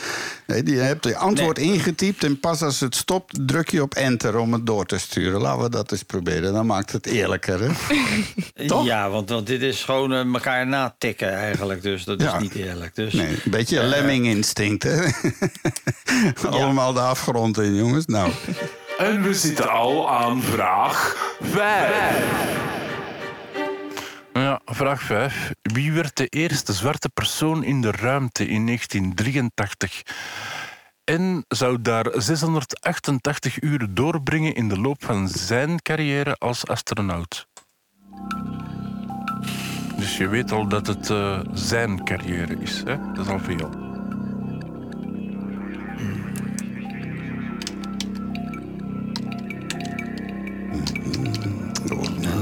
Niet. Iedereen zit klaar met zijn vinger op de enter-trigger. Oeh, ik zag daar al iemand iets vroeg. Ik ga niet kijken. Ik ga niet kijken. Nee, ik kijk niet. Nee, want mijn antwoord is heel duidelijk. Kadang, ja. Kedang, eh, kedang. Ik ben even de, de punten aan het... aan het eh, het zijn er maar twee die Gary Burford hebben gezegd en die waren juist. Oké, oh, eh, oh, zijn wacht eerste even. ruimtevlucht. Ah, oké. ja. Dus Bluford zijn eerste ruimtevlucht was de STS-8 met de Space Shuttle Challenger en vond plaats op 30 augustus 1983. Tijdens de missie werden twee satellieten in de baan rond de aarde gebracht. Voilà, kijk. Nou, dat brengt ons dan meteen bij. We hebben het middenpunt bereikt met vraag 6. Ja, mo- moet er een tussenstand komen anders? Ja, jij bent de quizmaster, dan moet je ons niet vragen. Dat moet je ons eh, zeggen. Er is een van- tussenstand. Oké, er is een tussenstand. Eh, Hugo, voor zover dat ik heb kunnen zien, want ik ga snel vooruit, eh, had nog geen enkel juist punt. Ja, voor zover ik weet. Istvan had er één juist, Mario ook één. Zinzee had er drie juist en Bruno twee. Nou, kijk eens aan, we zijn goed bezig. eh, Maar we moeten op gaan komen. Dus eh, nog één keer wacht tot het eindmuziekje klaar is met enter te drukken. Hè? Dat wordt goed, jongens. Spannend. Nou, ik ben hartstikke benieuwd.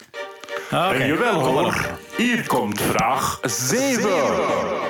Ja, het is vraag 6 nog altijd, maar oké. In 1940 werd Hattie McDaniel de eerste zwarte persoon die een Oscar won voor haar bijrol in Going with the Wind. Hattie mocht niet aanwezig zijn bij de nationale première van Going with the Wind, o- omdat ze zwart was. Ja. Maar wie werd de 23... Wacht. wie- Ah ja, maar wie werd de 23 jaar later de eerste zwarte man die een Oscar won voor zijn hoofdrol in Lilies of the Field? Dus ik heb de, de film al gegeven. En je moet zeggen, oh, dat is gewoon... Nou, ik, ik gok op... Eh, hoe heet hij ook alweer? God, ik zie hem zo voor me. Ja. Hoe ziet hem eruit? Beschrijf hem. Eh, hoe heet hij ook alweer? Dus je typt het antwoord in, maar je wacht met enter. Kijk, spannend. Nog, nu nog 10 seconden om na te denken. Het hoeveel, het eh, puntje van. Goh, die quiz elke keer. Dat doet me toch wat, jongens. En Valente. sinds hij zegt... Ik weet het niet. Ik geef het op. Oh ja, Sidney Poitier, dat is het. Ja. Ja.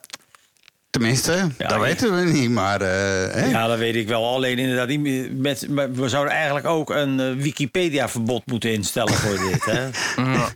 Ja, Voor de mensen die het de willen weten, het is Sidney Portier. Ja. Ja. Ja, inderdaad. Poitier, maar inderdaad, iedereen zit er te Wikipedia. Dus dat kan eigenlijk. eh, dat is, maar ja, goed. Als er vragen komen als wie was de uitvinder van de badmuts en men weet dat, dan hebben ze zitten te Wikipedia. We gaan dat nu weten, eh, Mario. Want? En Het is jawel vraag hoor, zeven. hier komt vraag 7. Marie van Britten Brown, dan spreken we 30 oktober 1922, was een Amerikaanse verpleegster en innovator. In 1966 vond ze samen met haar man Albert Brown, een elektronica-technicus. Wat vonden ze uit? Het is geen badmuts, hè, Mario. Ik wil het maar even bijzeggen. Hè. Eh, ja, poeh. Een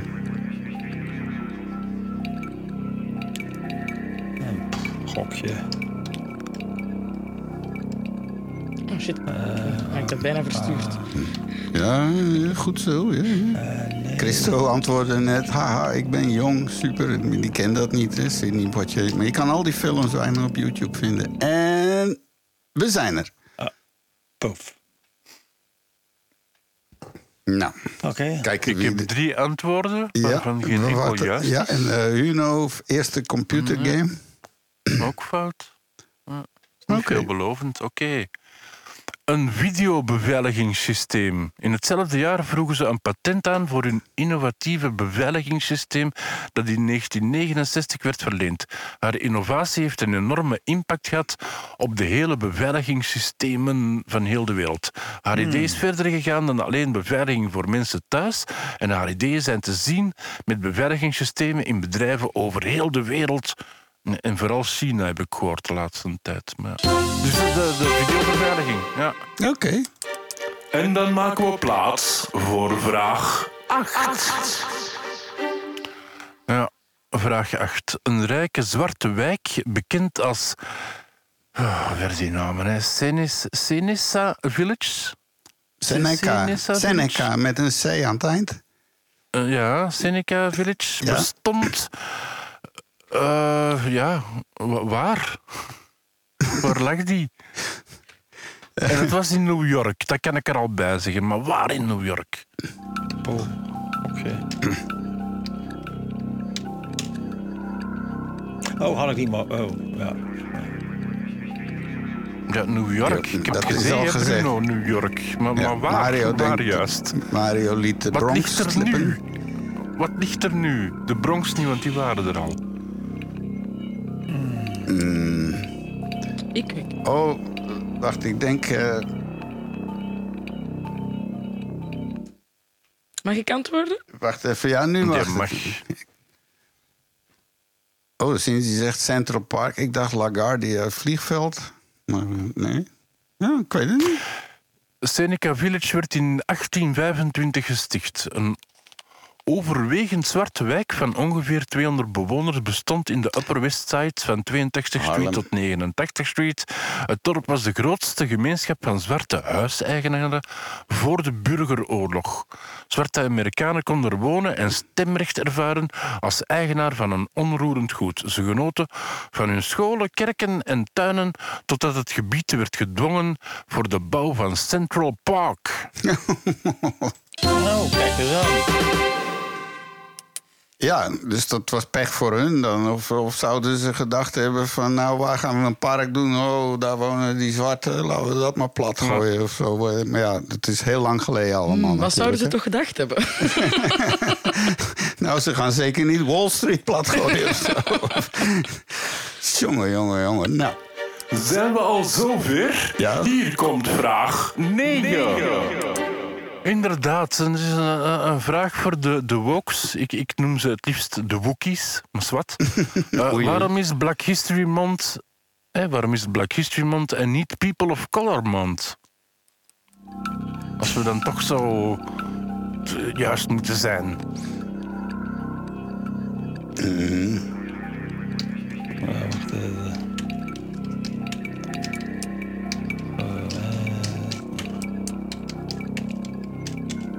Ja, ik wil een opstel van vier A4'tjes. Oké.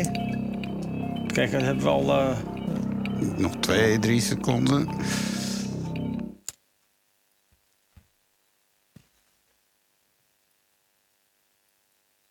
Ja, dus ik had dan dat het enkel over... eh, specifiek over de zwarte mensen gaat... en eh, niet over de, de, de Mexicanen. Want je hebt bijvoorbeeld mijn... Black eh, History. Ik dacht, ik dacht bij Black History dat is een donkere periode. Dat kan natuurlijk ook.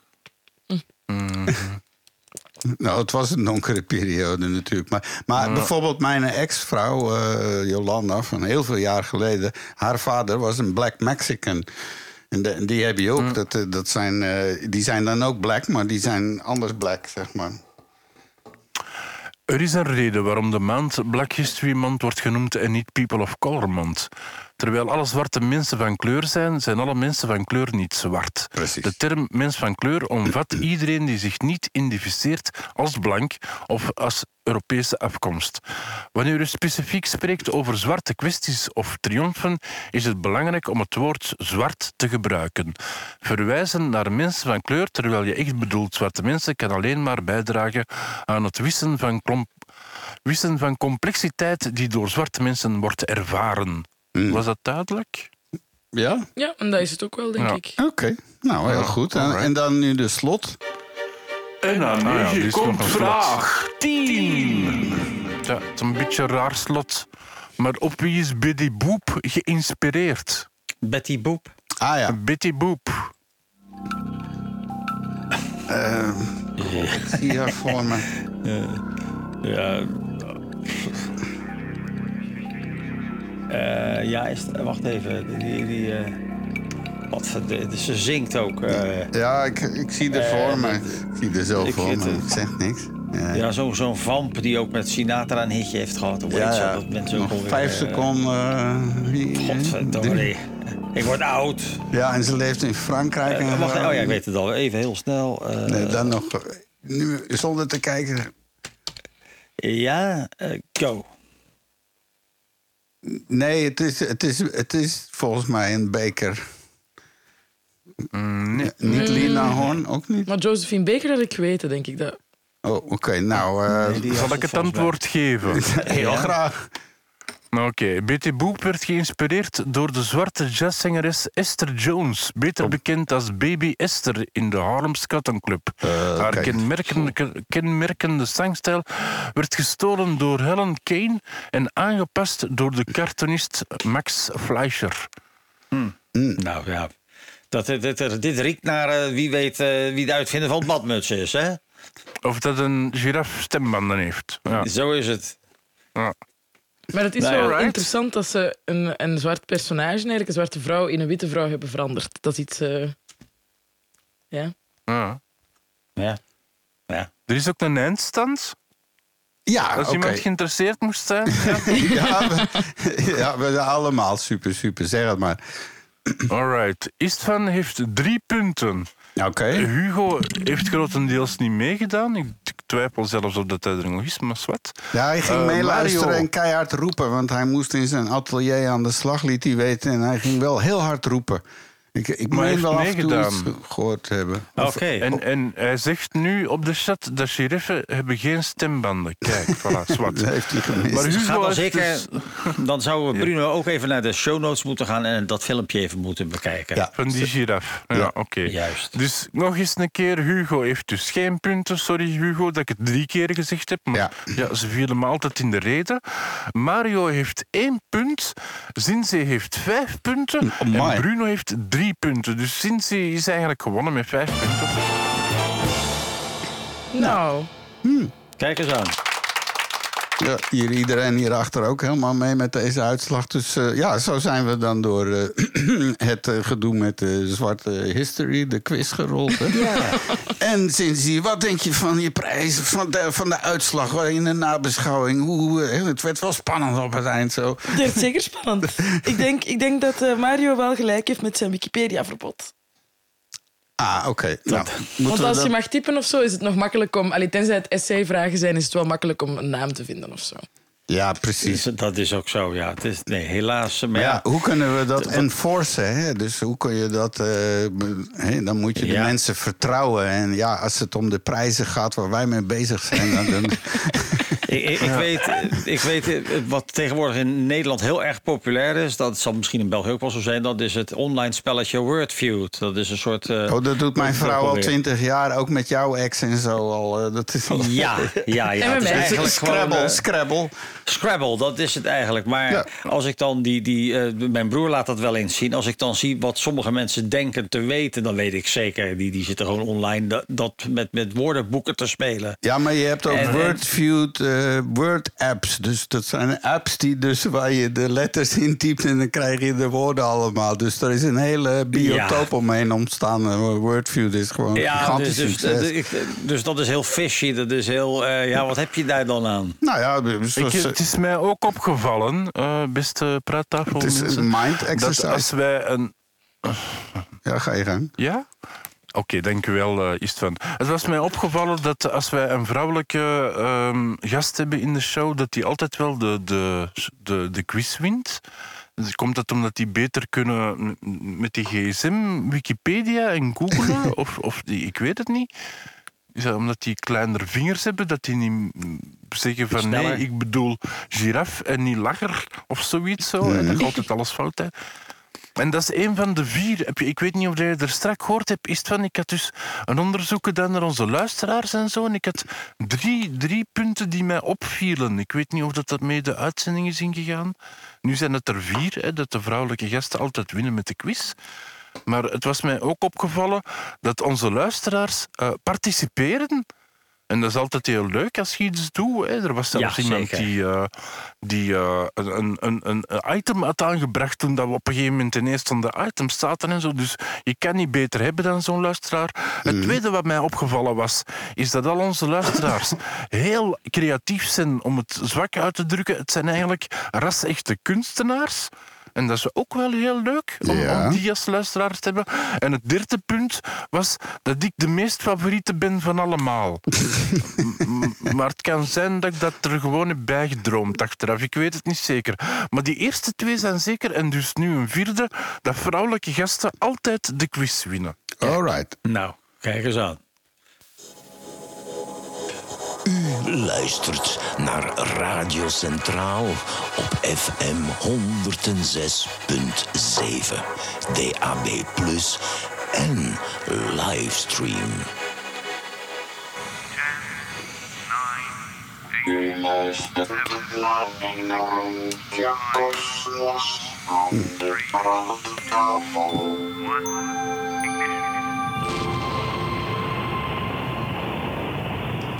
En zo zijn we in Black History aangeland in het deel waar de hele universum zwart is. Eh, we gaan het in een rondje Cosmos hebben over een aantal dingen. We gaan ook weer een ander ding oplossen. We hebben de giraf opgelost, dus die heeft stembanden. Bruno, ja, Er wordt er gezegd. Het is niet alles wat je op YouTube hoort dat je denkt dat dat moet juist zijn. het blijft Nou, spartelen. nou, nou. Je bent zo van zo'n James Eh, ja. Bond film. Zo- Zo'n iemand die al 88 keer is neergeschoten en er toch nog op staat. En Iemand moet het doen. ja, ja, nee. Iemand moet het. Nou, dus laten we meteen maar eh, afrekenen met een ander eh, iets. Want ik en Mario en nu ka- gaat Chris de popcorn er weer bij pakken. Mm. Dat is juist, ja, dat is waar. Ja, eh, want we hebben het al heel lang gehad over het feit van eh, boeren de zwarte gaten. En eh, we hadden een, een dilemma, want Mario zei ja, wat eenmaal in een zwart gat verdwijnt, dat is weg forever. En eh, ja, hoe kan je dat dan rijmen met een boerenzwart gat? Nou, eh, dus het heeft lang Ja, gewoon iets geduurd. uit, dat is ietsje, nog ietsje anders. Hè? De, eh, wat er, Ja, ja, dus maar we gaan het even horen. eruit. Ja, ik, Ja. Ik, ik, ik heb een, een wetenschapster gevonden. En die dat is een hele toffe dame. Link komt ook weer in de show notes op praattafel.be. Waar je dit straks allemaal Is het een YouTube-filmpje? Het is een... Ja, zoals tegenwoordig alles een YouTube-film is. Maar dit is van een zeer gekende astronome, een dame uit Engeland. En, eh, dus we gaan eens even luisteren wat het basisprincipe is. Want eh, de, de reporter vroeg haar, eh, hoe zit dat nou? eh, wat, is nou precies, wat is er nou precies aan de hand? Don't they just sit in the middle of galaxies and just, just nibble up anything that comes too close? That can happen. They do just sort of get gas funneled to them in the galaxy. The thing is, there are very massive, supermassive black holes in the universe, and also we see them at incredible distances, so i.e., very early on in the universe. And there is a limit to how fast black holes can grow just by what we say accreting material. It's sort of like how when you pull the, the plug hole out of a sink, all the water doesn't immediately go down, right? There is some pressure that stops all of the water just forcing itself down, like a bottleneck, right? You have a bottleneck around a black hole essentially as well. Ja, dus blijkt dat er komt een ster iets te dicht bij een zwart gat. Dan wordt die langzaam eh, vergast en zo. Uiteindelijk eh spaghettificeert dat en zo. En dan ontstaat er om het zwarte gat zo'n accretieschijf, noemen ze dat. Hè? Dat is dat materiaal wat steeds heter en steeds sneller en zo. En dat wordt gigantisch heet. En eh, dan is dat de bedoeling dat dat zwarte gat dat allemaal opvreet. Maar die kan dat niet tegelijk. En ze gebruikt hier de beeldspraak van een eh, badkuip die vol met water is. En je trekt de stop eruit en is niet ineens al dat water weg. Er, kan maar zoveel water tegelijk door dat gat. Wat je ook doet. Misschien met wat druk iets meer. Maar het het blijft toch een bottleneck. Een bottleneck, zegt ze. Dus vandaar dat eh, ja, als er een iets te grote ster in de buurt komt, dan eh, kan dat zwarte gat dat ding niet in één keer zo helemaal opvreten. En dan blijft er gewoon rommel omheen. Maar ze vonden nog iets anders heel bizars. En dat is nu die James Webb, wat eh, een korte die over dat de astronomie nu helemaal op zijn kop staat. For example, we see supermassive black holes as early on as 800 million years into the universe's lifetime. Unfortunately, it's not enough time to build a black hole in that way. Dus ze zien nu eh, zwarte gaten, die, die 800 miljoen jaar, dus dat is vlak nog niet eens de eerste miljard jaar na het ontstaan van het universum. Die hadden er nog niet moeten zijn, dus dat is wel een puzzel. Nou, nu nog eens een keer duidelijk de vergelijking met de badkuip. But the crucial thing was is that unlike a bathtub where all the water goes down the plug hole, can you imagine if you took out the plug hole and the pressure around it built up so much from that bottleneck that it threw water back at you? this is what black holes do, right? I like to say that they burp. Essentially, they're trying to take in so much at once that the easiest thing to do as that pressure builds up and builds up is to throw some material back out. Alright. Dus, dus Maar ja, dat, dat zal van dan de, de accretieschijf betreffen. Ja, ja, dus het is nog dan niet. En, en ze concludeert dan ook om het meteen helemaal duidelijk te maken. Dus het punt komt tussen mij en Mario in te liggen. Want ze concludeert met. It doesn't come from the black hole, and that's what confuses a lot of people. It happens before the material, you know, reaches that event horizon, that point of no het. Nou, we zijn Dus eruit. het- Dus zwarte gaten dus voordat- boeren wel. maar Ja. het is niet dat Mag het ik even uit hun binnenkomt. Ja, ja. Er wordt een vraag gesteld op de chat. Oké. Want Bruno vraagt... eh, wat de giraffe betreft, er is toch een verschil tussen een larynx, dus een strottenhoofd, en de stembanden. Nou, eh, de, de- oké, dat natuurlijk. De larynx, dat is zeg maar eh, het hele strottenhoofd met alles erop en eraan. Dan heb je dus inderdaad eh, het, het kraakbeen gebeuren en het bot gebeuren. En je hebt natuurlijk de klieren. De schildklier zit daar, van alles en nog wat. Maar de stembanden, in het Engels de voice box, die zitten daar eigenlijk altijd in. En soms zijn ze als, als een dier. eh, Je ziet eigenlijk bij alle zoogdieren hebben stembanden. Eh, Niet alle gewervelde vissen hebben dat bijvoorbeeld niet. Die heeft ook niet al te veel zin onder water. Maar eh, ze zijn er hoe dan ook. Alleen bij sommige soorten is het redelijk rudimentair. Maar je ziet inderdaad, het, het, zit er wel. En je kan ook aan het filmpje kan je dat beest horen. Die produceert dat lawaai. Dat, ik, je, de- keer, je kan eh, al ga je op je kop staan. Je, je kijkt naar de film, je ziet, eh, ziet het alleen. Ze gebruiken gewoon geen stem. Dus communicatie door middel van het in, in trilling brengen van lucht is gewoon, eh, daar doen ze gewoon niet aan. Ze Dus- zetten dus het uit dus van. een, van ja, maar ja, dus dan, ik denk ja. ook, als je dat beest hoort, die onthoudt van hoe vreselijk dat die klonk. En die denkt, ja, dit moet ik niemand meer aandoen de rest van Maar kijk vooral naar het, kijk vooral naar het filmpje. En, en inderdaad, het is een soort mythe eigenlijk. Het is iets wat, wat gewoon is gaan leven. Ja. De reden waarom dat Bruno die vraag stelde was, en, en schrijft hij dan ook, het is omdat ik ook meubelen ontwerp en maak. Eén daarvan is mijn girafkast. Dus ik- mag ik er een bestellen, eh, Christo, Bruno? Een girafkast, want dat lijkt me wel leuk. En die zal Ik ook nooit wel- piepen dan, hè? Maar Nee, is die die dan ook zo stembanden de hebben. 4,5 meter hoog en zo? Moet, moet je wel een heel, Oh, hoog plafond hebben. Ja, ik, ik ken wel een, een giraffevleugel. Kun je je dat voorstellen? Dan, eh, dan, je weet hoe een, een vleugelpiano eruit ziet. Maar zet dan het vleugelgedeelte rechtop tegen de muur aan. Dan heb je een soort piano, maar het is eigenlijk een vleugel op zijn kant. Oh. Dus die is dan ook eh, twee- 2,5 meter hoog of zo. En dan speel je tegen de muur aan zo. Nee, het klavier zit waar het moet zitten. Maar eh, ja, je kijkt als het ware tegen een, eh, tegen een op, omhoogstaande vleugel aan. Ook wel een interessant ding. Ja. Oh, Oké, nou, een misschien een link opzoeken. van Bruno is twee meter hoog. Dus dat valt dan nog redelijk mee. School, Ah, mocht er eentje maken voor mij, Christo, en factureer het maar bij de praattafel. Komt in orde. Ja, dat wordt een eh, eentje van IKEA-onderdelen en, eh, en, en onderdelen van de containerpark halen s'nachts. Want het budget is hier eh, 0,00000.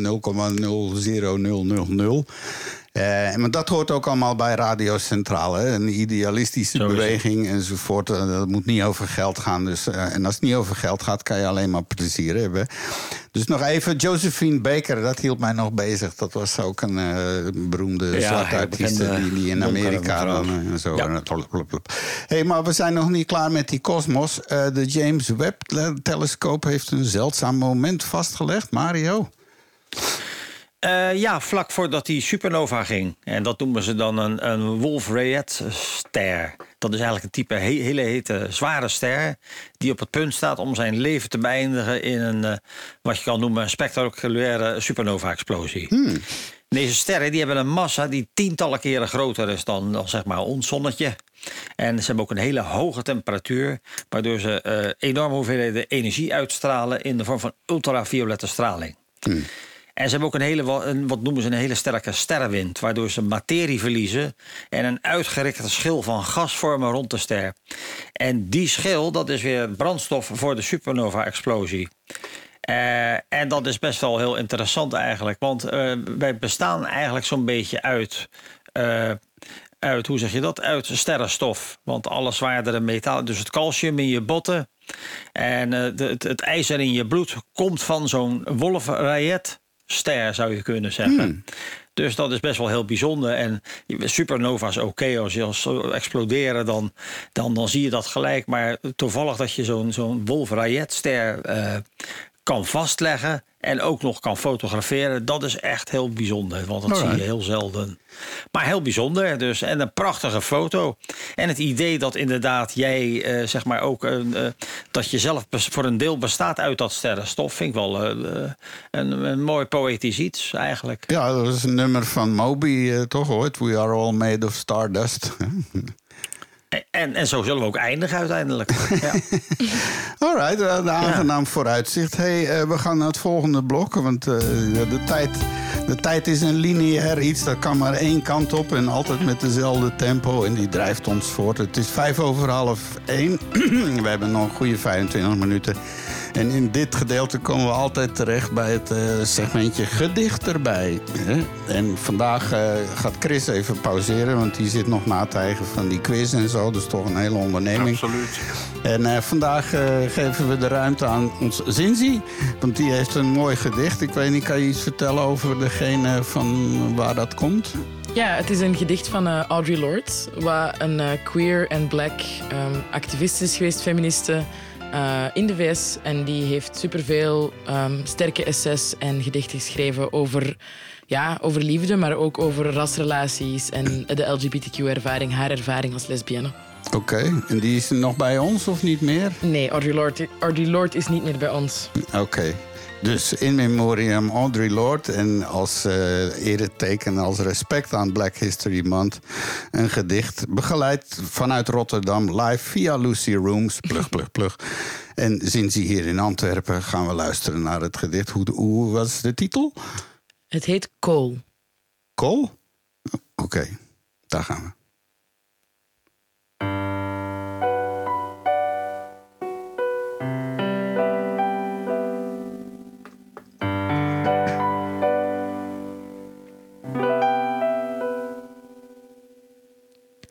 I is the total black being spoken from the earth's inside.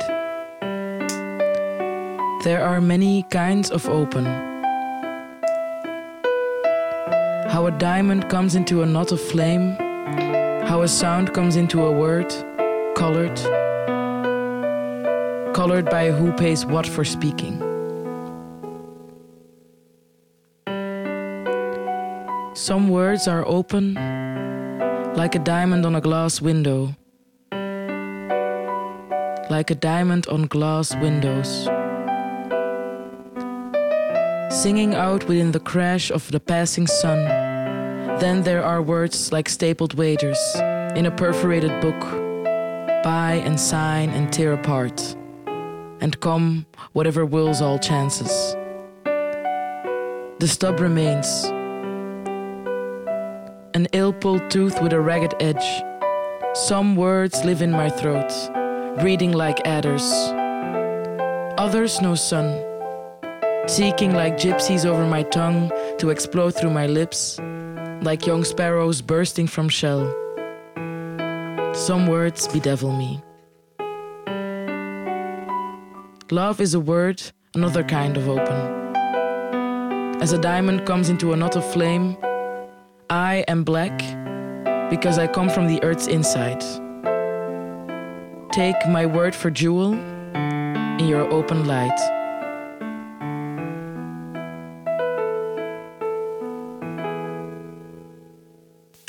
Radio Centraal. Ongehoord. Ongehoord. Onge ongehoord. Ongehoord. Ongehoord. Ongehoord. Radio Centraal. Ongehoord. Hey, ik heb eigenlijk een vraag voor Zinzi. Ja. Dat, dat gedicht dat je net hebt voorgelezen, heeft het een bepaalde betekenis voor jou dat je het gekozen heeft? Of was het het eerste gedicht dat je zag toen je het boek opende? Nee, ik heb het gedicht wel opgezocht. Ik heb een boek van haar liggen thuis. ehm, maar ik wou dit gedicht graag brengen, Cole. Omdat ik het een van haar eh, zachtere gedichten vind. En vrij liefdevolle gedichten. Sommige dingen zijn vrij hard. En dat vind ik dan voor een radioshow ook niet de, de vibe of zo. Als je daar niet lang over kunt praten. Terwijl met dit gedicht zegt ze eigenlijk van... Dat een woord, kool, zwart, iemand bepaalt. Maar dat dezelfde stof ehm, die kool waar kool uit bestaat ook een diamant kan zijn. Dus eigenlijk probeert ze te zeggen van ehm, zwarte mensen zijn ook precious. Dat is Ah ja, eigenlijk waar het oké. gedicht over gaat. Black Lives Matter. Ja. Eigenlijk zegt ze Black Lives Matter. Ja, maar dat is een geweldig mooie metafoor van de kool een diamant maken. hè. Van het meest eh, onderkant, vuile, vieze, de meest begeerlijke. Dat is toch een mooie. hè? En, eh, en het leven bestaat uit eh, koolstofchemie. eh, geen leven zonder koolstof. Ja. Mhm. Hey, en ook geen leven met te veel vitamine D, hè? Want we zitten nu in het blokje waar we het niet over gehad hebben. ja, Waar is dat dus een oudere persoon overleden naar overdosis vitamine D? Eh, dus Ja. België is ondanks een oudere persoon overleden nadat hij twee maanden dagelijks een vitamine D-capsule had ingenomen. Dus dat is, nochtans is dat eens per maand dat je dat moet doen. Eens per twee maanden. Ja, want eh, Ja, zelfs, jij ja. zei van eh, een hele grappige, maar je mag hem zelf nog eens. Dat is een- zo'n adagium uit eh, de medische wereld. nou, uit de toxicologie. Ja. Dus het, het dosis maakt het gif. Oftewel dosis sola facit venenum. Eh, dat zei Paracelsus eigenlijk al in de, in de 16e eeuw. Eh, en dat is ook zo. Alles, eh, de dosis maakt het gif. Je kan je dood drinken aan water. Als je maar genoeg water drinkt, op een gegeven moment eh, ja, trekken, wordt de osmotische waarde van je bloed met een duur woord zo hoog dat je eraan doodgaat. Oh jee. Dus ja, Maar dus eh, over Dus- mijn 50 milligram eh, vitamine D van, de, van het kruidvat moet ik me niet echt zorgen maken. Niet echt, niet echt. Tenzij je ze dus inderdaad dagelijks een, een, een, zo'n potje naar binnen vergiet, dan uh, dat zou ik zeker niet doen. maar inderdaad, de, de dosis maakt het gif en dat, dat is nou helemaal zo. Dus dat is een, een beetje een foutje bedankt, dit verhaal. Dat is een, uh, Mhm. een, een, een, ja, een doseringsfoutje. Trouwens, ja. over, over doseren en zo, dat was vandaag op het nieuws. Uh, net nog, uh, vlak voor de uitzending, kreeg ik nog even naar het journaal. Men heeft nu bier ontworpen in poedervorm. Het is niet waar. Ja. De, dus, dus je kan tegenwoordig... Uh, dat, dat gaat wat worden. Dan kan je zeg maar in de kroeg kan je een, een lijntje bier nemen. Dan hoef je ook niet naar de play. maar dan, het lijkt me wel dan heel makkelijk. Want ik heb hier zo, uh, zo'n uh, bruistabletten voor hoofdpijn. Hè? Dat doe je samen met dat bierpoeder. Dus dan heb je tegelijkertijd je medicijn tegen de kater. ja, maar, maar, hoe gaan ze dat met de alcohol doen? bestond al, hè? Ja. Biergistpoeder, dat ja. bestond al. Dus Ja, maar Ja, dat maar ja, bierpoeder is dus eh, kennelijk water erbij oplossen en je hebt bier? Ja, je ziet het ook op het journaal, zag je het ook. Twee scheppen van in, in, in, in een duvel glas, water erbij, opkloppen. En, en eh, met, met zo'n met zo'n eh, ja, zo'n eh, melkschuim dingetje deden ze dat. En je hebt een glas bier. Ik Ja, vind dat best wel te gek. bier Denk eens even aan de dan- voordelen. Maar bedoel je dan Heineken? Want zeg nu eerlijk, Heineken is geen bier, hè? De- Wij zijn al duizend jaar bezig om ons bier goed te krijgen. Paters die bieden ervoor en zo. En, en, en dan komen ze af met bierpoeder. T- Sorry, maar je bent tegen een Belg bezig, hè? Ik word daar kwaad van. Nou ja, hier lees ik in Trouw eh, bierpoeder uit Tsjechië, waar de grote biermerken eh, Budweiser en Urquell en zo vandaan komen, gaat bierpoeder exporteren. Van het poeder kan thuis bier gemaakt worden. Met het poeder mikken Ja. ze op de Russische markt. Oké.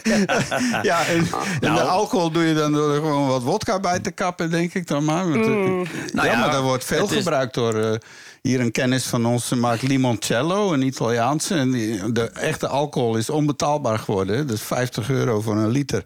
Dat is bizar. Maar je kan dus eh, goedkope wodka is zeker te gebruiken. Dus eh, het is heel neutraal van smaak en heel helder. Hè. Er wordt veel gedaan, hoor. Ja, dat is Ja, ja. waar. Maar het Ja, idee van vodka bij bierkappen geeft mij wel een beetje rillingen. Ja, om de alcohol, zo, die, die 5% Ah, dat of zo. bierpoeder was niet genoeg. Nee. Het is de vodka die erbij komt. Oké, helemaal nee. Ja, heel bizar. Maar ja, goed. Het is natuurlijk wel voor eh, wel een, je hebt wel wel een veel lagere eco-footprint, denk ik, eens aan het vervoer. Je hebt eh, het, gewicht en alles. Het heeft zeker. eh, En in geval van nood is het toch handig als je ergens toch nog een, een potje bierpoeder hebt staan. Ja, maar dat hangt er vanaf hoe dat ze dat maken, hè, Mario. Want als ze nu een glas bier pakken en ze laten dat drogen totdat ze poeder hebben, dan is die een economische voetmaat ook niet zo goed. Hè? Nee, maar dat zullen ze niet doen. Ik geloof nooit dat ze. Jij bedoelt, je hebt een proces dat is vriesdrogen. Dat doen ze bij, bij sommige. eh, Denk maar aan koffie. Kan je nog herinneren? Die, die vroeger vriesdroogden ze ze koffie. Dus dan had je een soort baksteen en dan maak je het plastic kapot. En dan floeps, ineens werd het zacht. Ja, je- dat kan, maar dat gaan ze niet doen natuurlijk. Ik denk dat ze gewoon de, de, de componenten mixen op de een of andere manier. Eh, en, en niet dat ze bier zeg maar indikken tot poeder.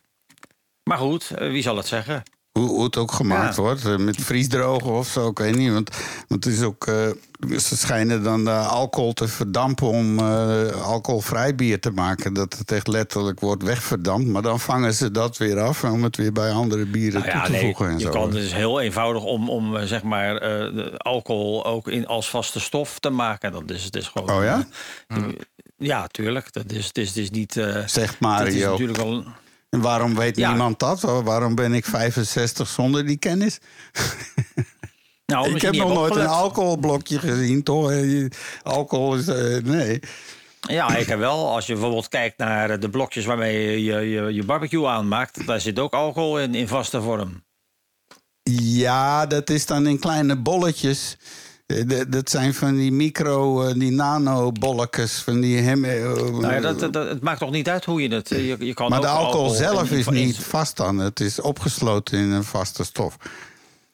Ja, dan, dan, dan, nou, dat, dat weet ik niet. Ik denk dat je kan eigenlijk de meeste stoffen wel een, een precursorstof van maken. Met andere woorden, dat je dus het molecuul zo Mhm. maakt dat op het moment dat je er iets aan verandert, dat het een, een andere aggregatietoestand heeft, dat het van vast vloeibaar wordt. Ja, ja, ja. Ja, Maar het beste wat ik gehoord heb van die bierpoedertoestand, dat het eigenlijk voor de Russische markt is. Ik bedoel, oké, Ja. stuur het maar op. Ja, die mensen hebben het al zo fantastisch met alles wat ze kunnen kopen in die leegstaande winkels. En dit en dat. Poederbier.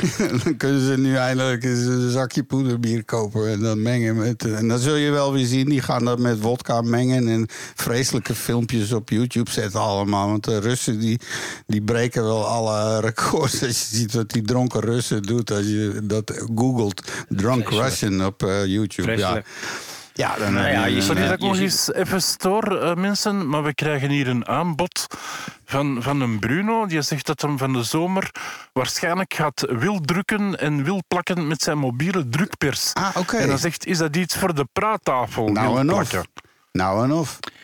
Eh, Ah, het is houtdruk. Het is geen zeefdruk, maar houtdruk. Oké. Oké, ik heb hem waarschijnlijk bezig gezien bij de blikfa pek- blikfabriek. Een paar weken geleden eh, was iemand ook met zo'n soort eh, pers bezig. Of dat was toch misschien iets anders. Whatever.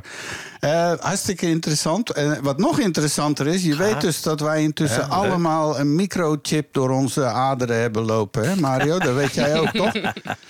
Dat Heel, ja, ja. Ah. Want ik merk nu ook dat zo deuren open springen en eh, de telefoon gaat af op rare momenten. En eh, zo, er gebeuren echt wel Oh. dingen om me heen. Wat is Ja. dat nou toch, joh? Ja, dat, zijn, dat noemen ze in Nederland een wappie. Ja. Het, eh, Dat is ja. een wappie. Dus Een hier, wappie, eh, dat is ja. dan zo op wat er op Twitter rondgaat. Dank u wel, meneer Musk, hè, met iedereen eh, toe te laten van... Pfizer COVID vaccines contain never before seen objects in the blood of the vaccinated. Study confirms the mRNA injections it caused the body to produce a MAC address. Oh, wauw. En een MAC-adres is dus elk toestel wat zich aan een netwerk verbindt. Niet eens aan een internet, maar aan een netwerk heeft een MAC-adres. En als je dat googelt, dat zijn dus acht van die ehm, ja, hec- hectodecimalen. Dus van, A- van 0 tot F gaat dat. Dat, zijn, dat is dus een groep van acht van die letters. En die is een soort adres van de netwerkkaart van de verbinding zelf. Dus elk toestel heeft een MAC-adres, maar nu wij ook. Alleen, alleen eh, waar, eh, waar moet ik die ethernetkabel in mijn... eh, moet ik die in mijn gat steken of zo? En dan wachten op Nee, een nee, soort... dat is 5G, hè? Dat is 5G, dat Oh. is draadloos. Oh, Ja, ja. oh oké. Nou, sinds je Ja, heeft ja, een hele goede iPhone ik, eh, op 5G. Je Ik moet heb dan- geen 5G nog niet. Daar zijn we Oh. nog niet. Nou, oké, want dan moet je jezelf als mast zien. Zalig. Handig eigenlijk. Ja. Ik ga me snel nog eens laten vaccineren. ja, zeker. Want, Want ja, hoe lang blijft dat in je bloed? Want bloed is eh, niet forever, hè? Dat, eh, dat Dan na een tijdje wordt dat... gerecycled. Iedere Ja, zes weken eh, heb je weer nieuw bloed, zou ik maar zeggen. oké. Dat gebeurt in je mild voornamelijk. Ja. Dus die eerste zes weken na de chip heeft Bill Gates en George Soros daar al onze dingen zitten afluisteren. En, eh, om, via ons MAC-adres en zo. Ja, Op nou, dus na 5G, zes weken terwijl die torens- en dat komt dan zeg maar, eh, dat wordt dan teruggewonnen in de vorm van bilirubine. Hebben we al eerder over gehad. En dat, dat gaat dan uiteindelijk naar de galplaats. Dus, Mhm. dus, dus daar moet je dan, daar, daar komt het signaal dan van, denk ik. Ja, ja. Heel goed. bijzonder. Ja, raar nieuws hoor.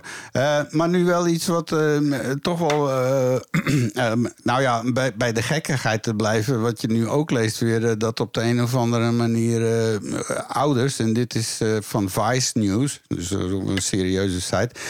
Eh, dus ivermectin, dat was zo'n alternatief medicijn. wat op kwam duiken ineens. Er waren wat vage dokters die zeiden dat helpt tegen COVID en zo. En eh, Mario die kent dat spul wel, denk ik. Hè? Ja, ivermectin. Sterker nog, dat wordt eh, tegenwoordig op grote schaal eh, eh, in, in Nederland uit, voorgeschreven bij studenten. Want we hebben, ze hebben daar een schurft-epidemie. Dus Mhm. een schurft, dat, is een, dat, is, dat wordt veroorzaakt door de schurftmeid. Dat is een beestje dat leeft, levert, leeft net onder je huid. Naar gebeuren. Maar dat ivermectin, dat spul, dat is dus een middel tegen parasieten. Om precies te zijn tegen wormen en mijten. En, de, Eh, en, en de je hebt ook nog de veterinaire versie, dat is een Ja. iets, iets, iets sterker. eh, maar dat geef je aan je vee als, als ze onder de luis zitten. Ja. Maar dus, dat schijnt dus, er zijn dus mensen die denken dat het ook helpt tegen autisme en zo. En tegen weet ik veel wat. Ja, ja. het moet niet Dus, veel eh, gekker worden. Dus eh, dit is ook weer zo'n conspiracy, zo'n samenspanning. Die denken dat de wereld eh ivermectin, ivermectin onderdrukt... omdat het goedkoop is. Zelfs al zou dat eh, de redding zijn van corona... dan is de industrie daar niet blij mee... want ze verdienen daar geen ruk aan. Want ze hebben nu iets van 50 euro per shot verdiend... aan al die miljoenen euro's, miljoenen, miljoenen shots die ze hebben gezet. Maar ivermectin nooit. Dus, dus ze beweren dat daarom dat onderdrukt wordt... dat dat eh, goed spul, dat dat goed werkt... omdat eh, ja, de industrie Ja. daar niks aan heeft. Maar ja, Dus druk, dan zouden ze het gewoon heel duur maken. als het echt zou werken... Als het echt zou eh, werken, dan, dan- krijg je het insulineverhaal. Dus eh, dat kanaal promoot dan eh, het gebruik van de veterinary, dus de dierlijke ivermectin, as een treatment. En, eh, en, en dus een cure ook van autisme, Asperger en Down-syndroom. dat beweren ze. En hier is iemand van... I've been applying ivermectin liquid to my granddaughter's feet, belly and button and her ears. And she complains of blurry vision and headaches. Ja, dat Dus begrijp die ik. is gewoon aan het vergiftigen. En, en ze zeggen dus hier met name dat eh, dat spul wat voor de dieren bedoeld is, dat het eh, dat eh, echt eh, dat het eh, ja, dat heb je nodig. Dat is gewoon hetgene dat werkt.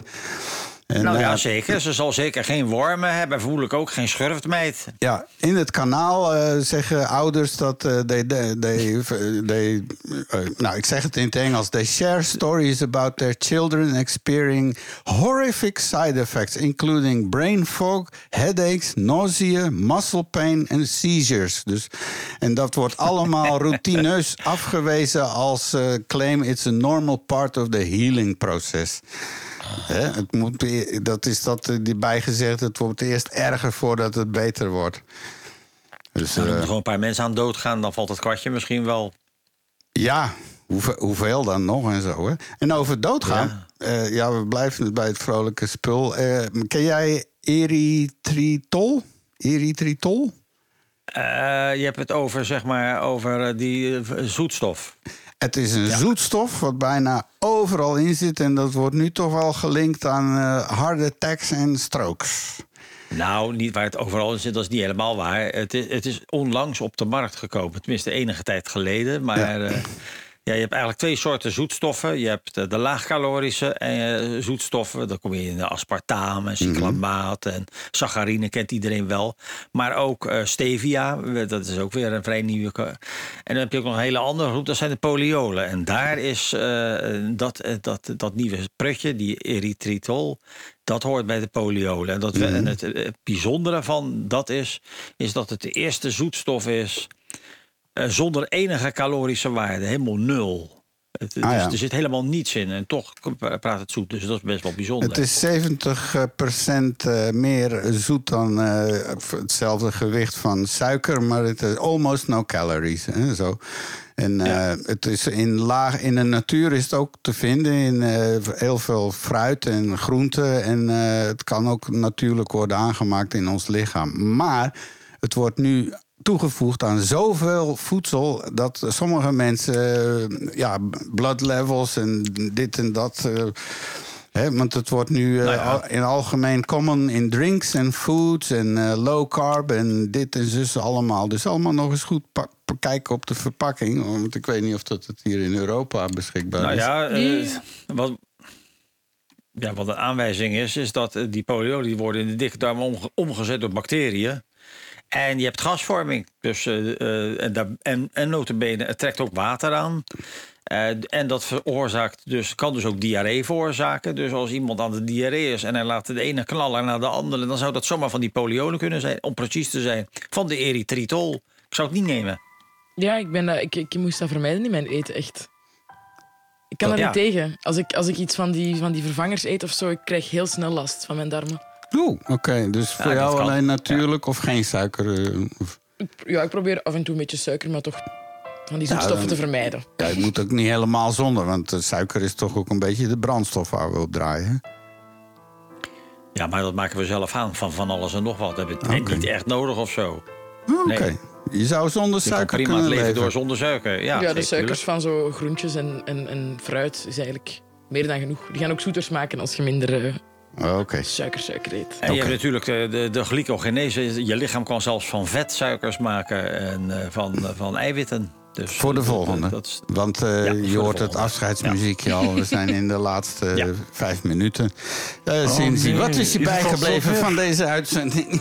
Wat mij is bijgebleven? quiz. Goh, De De quiz, de quiz zeker. De quiz was top. Eh, was heel leuk. Ik heb maar één ding gewikipedia's en al de rest zijn wel mijn antwoorden.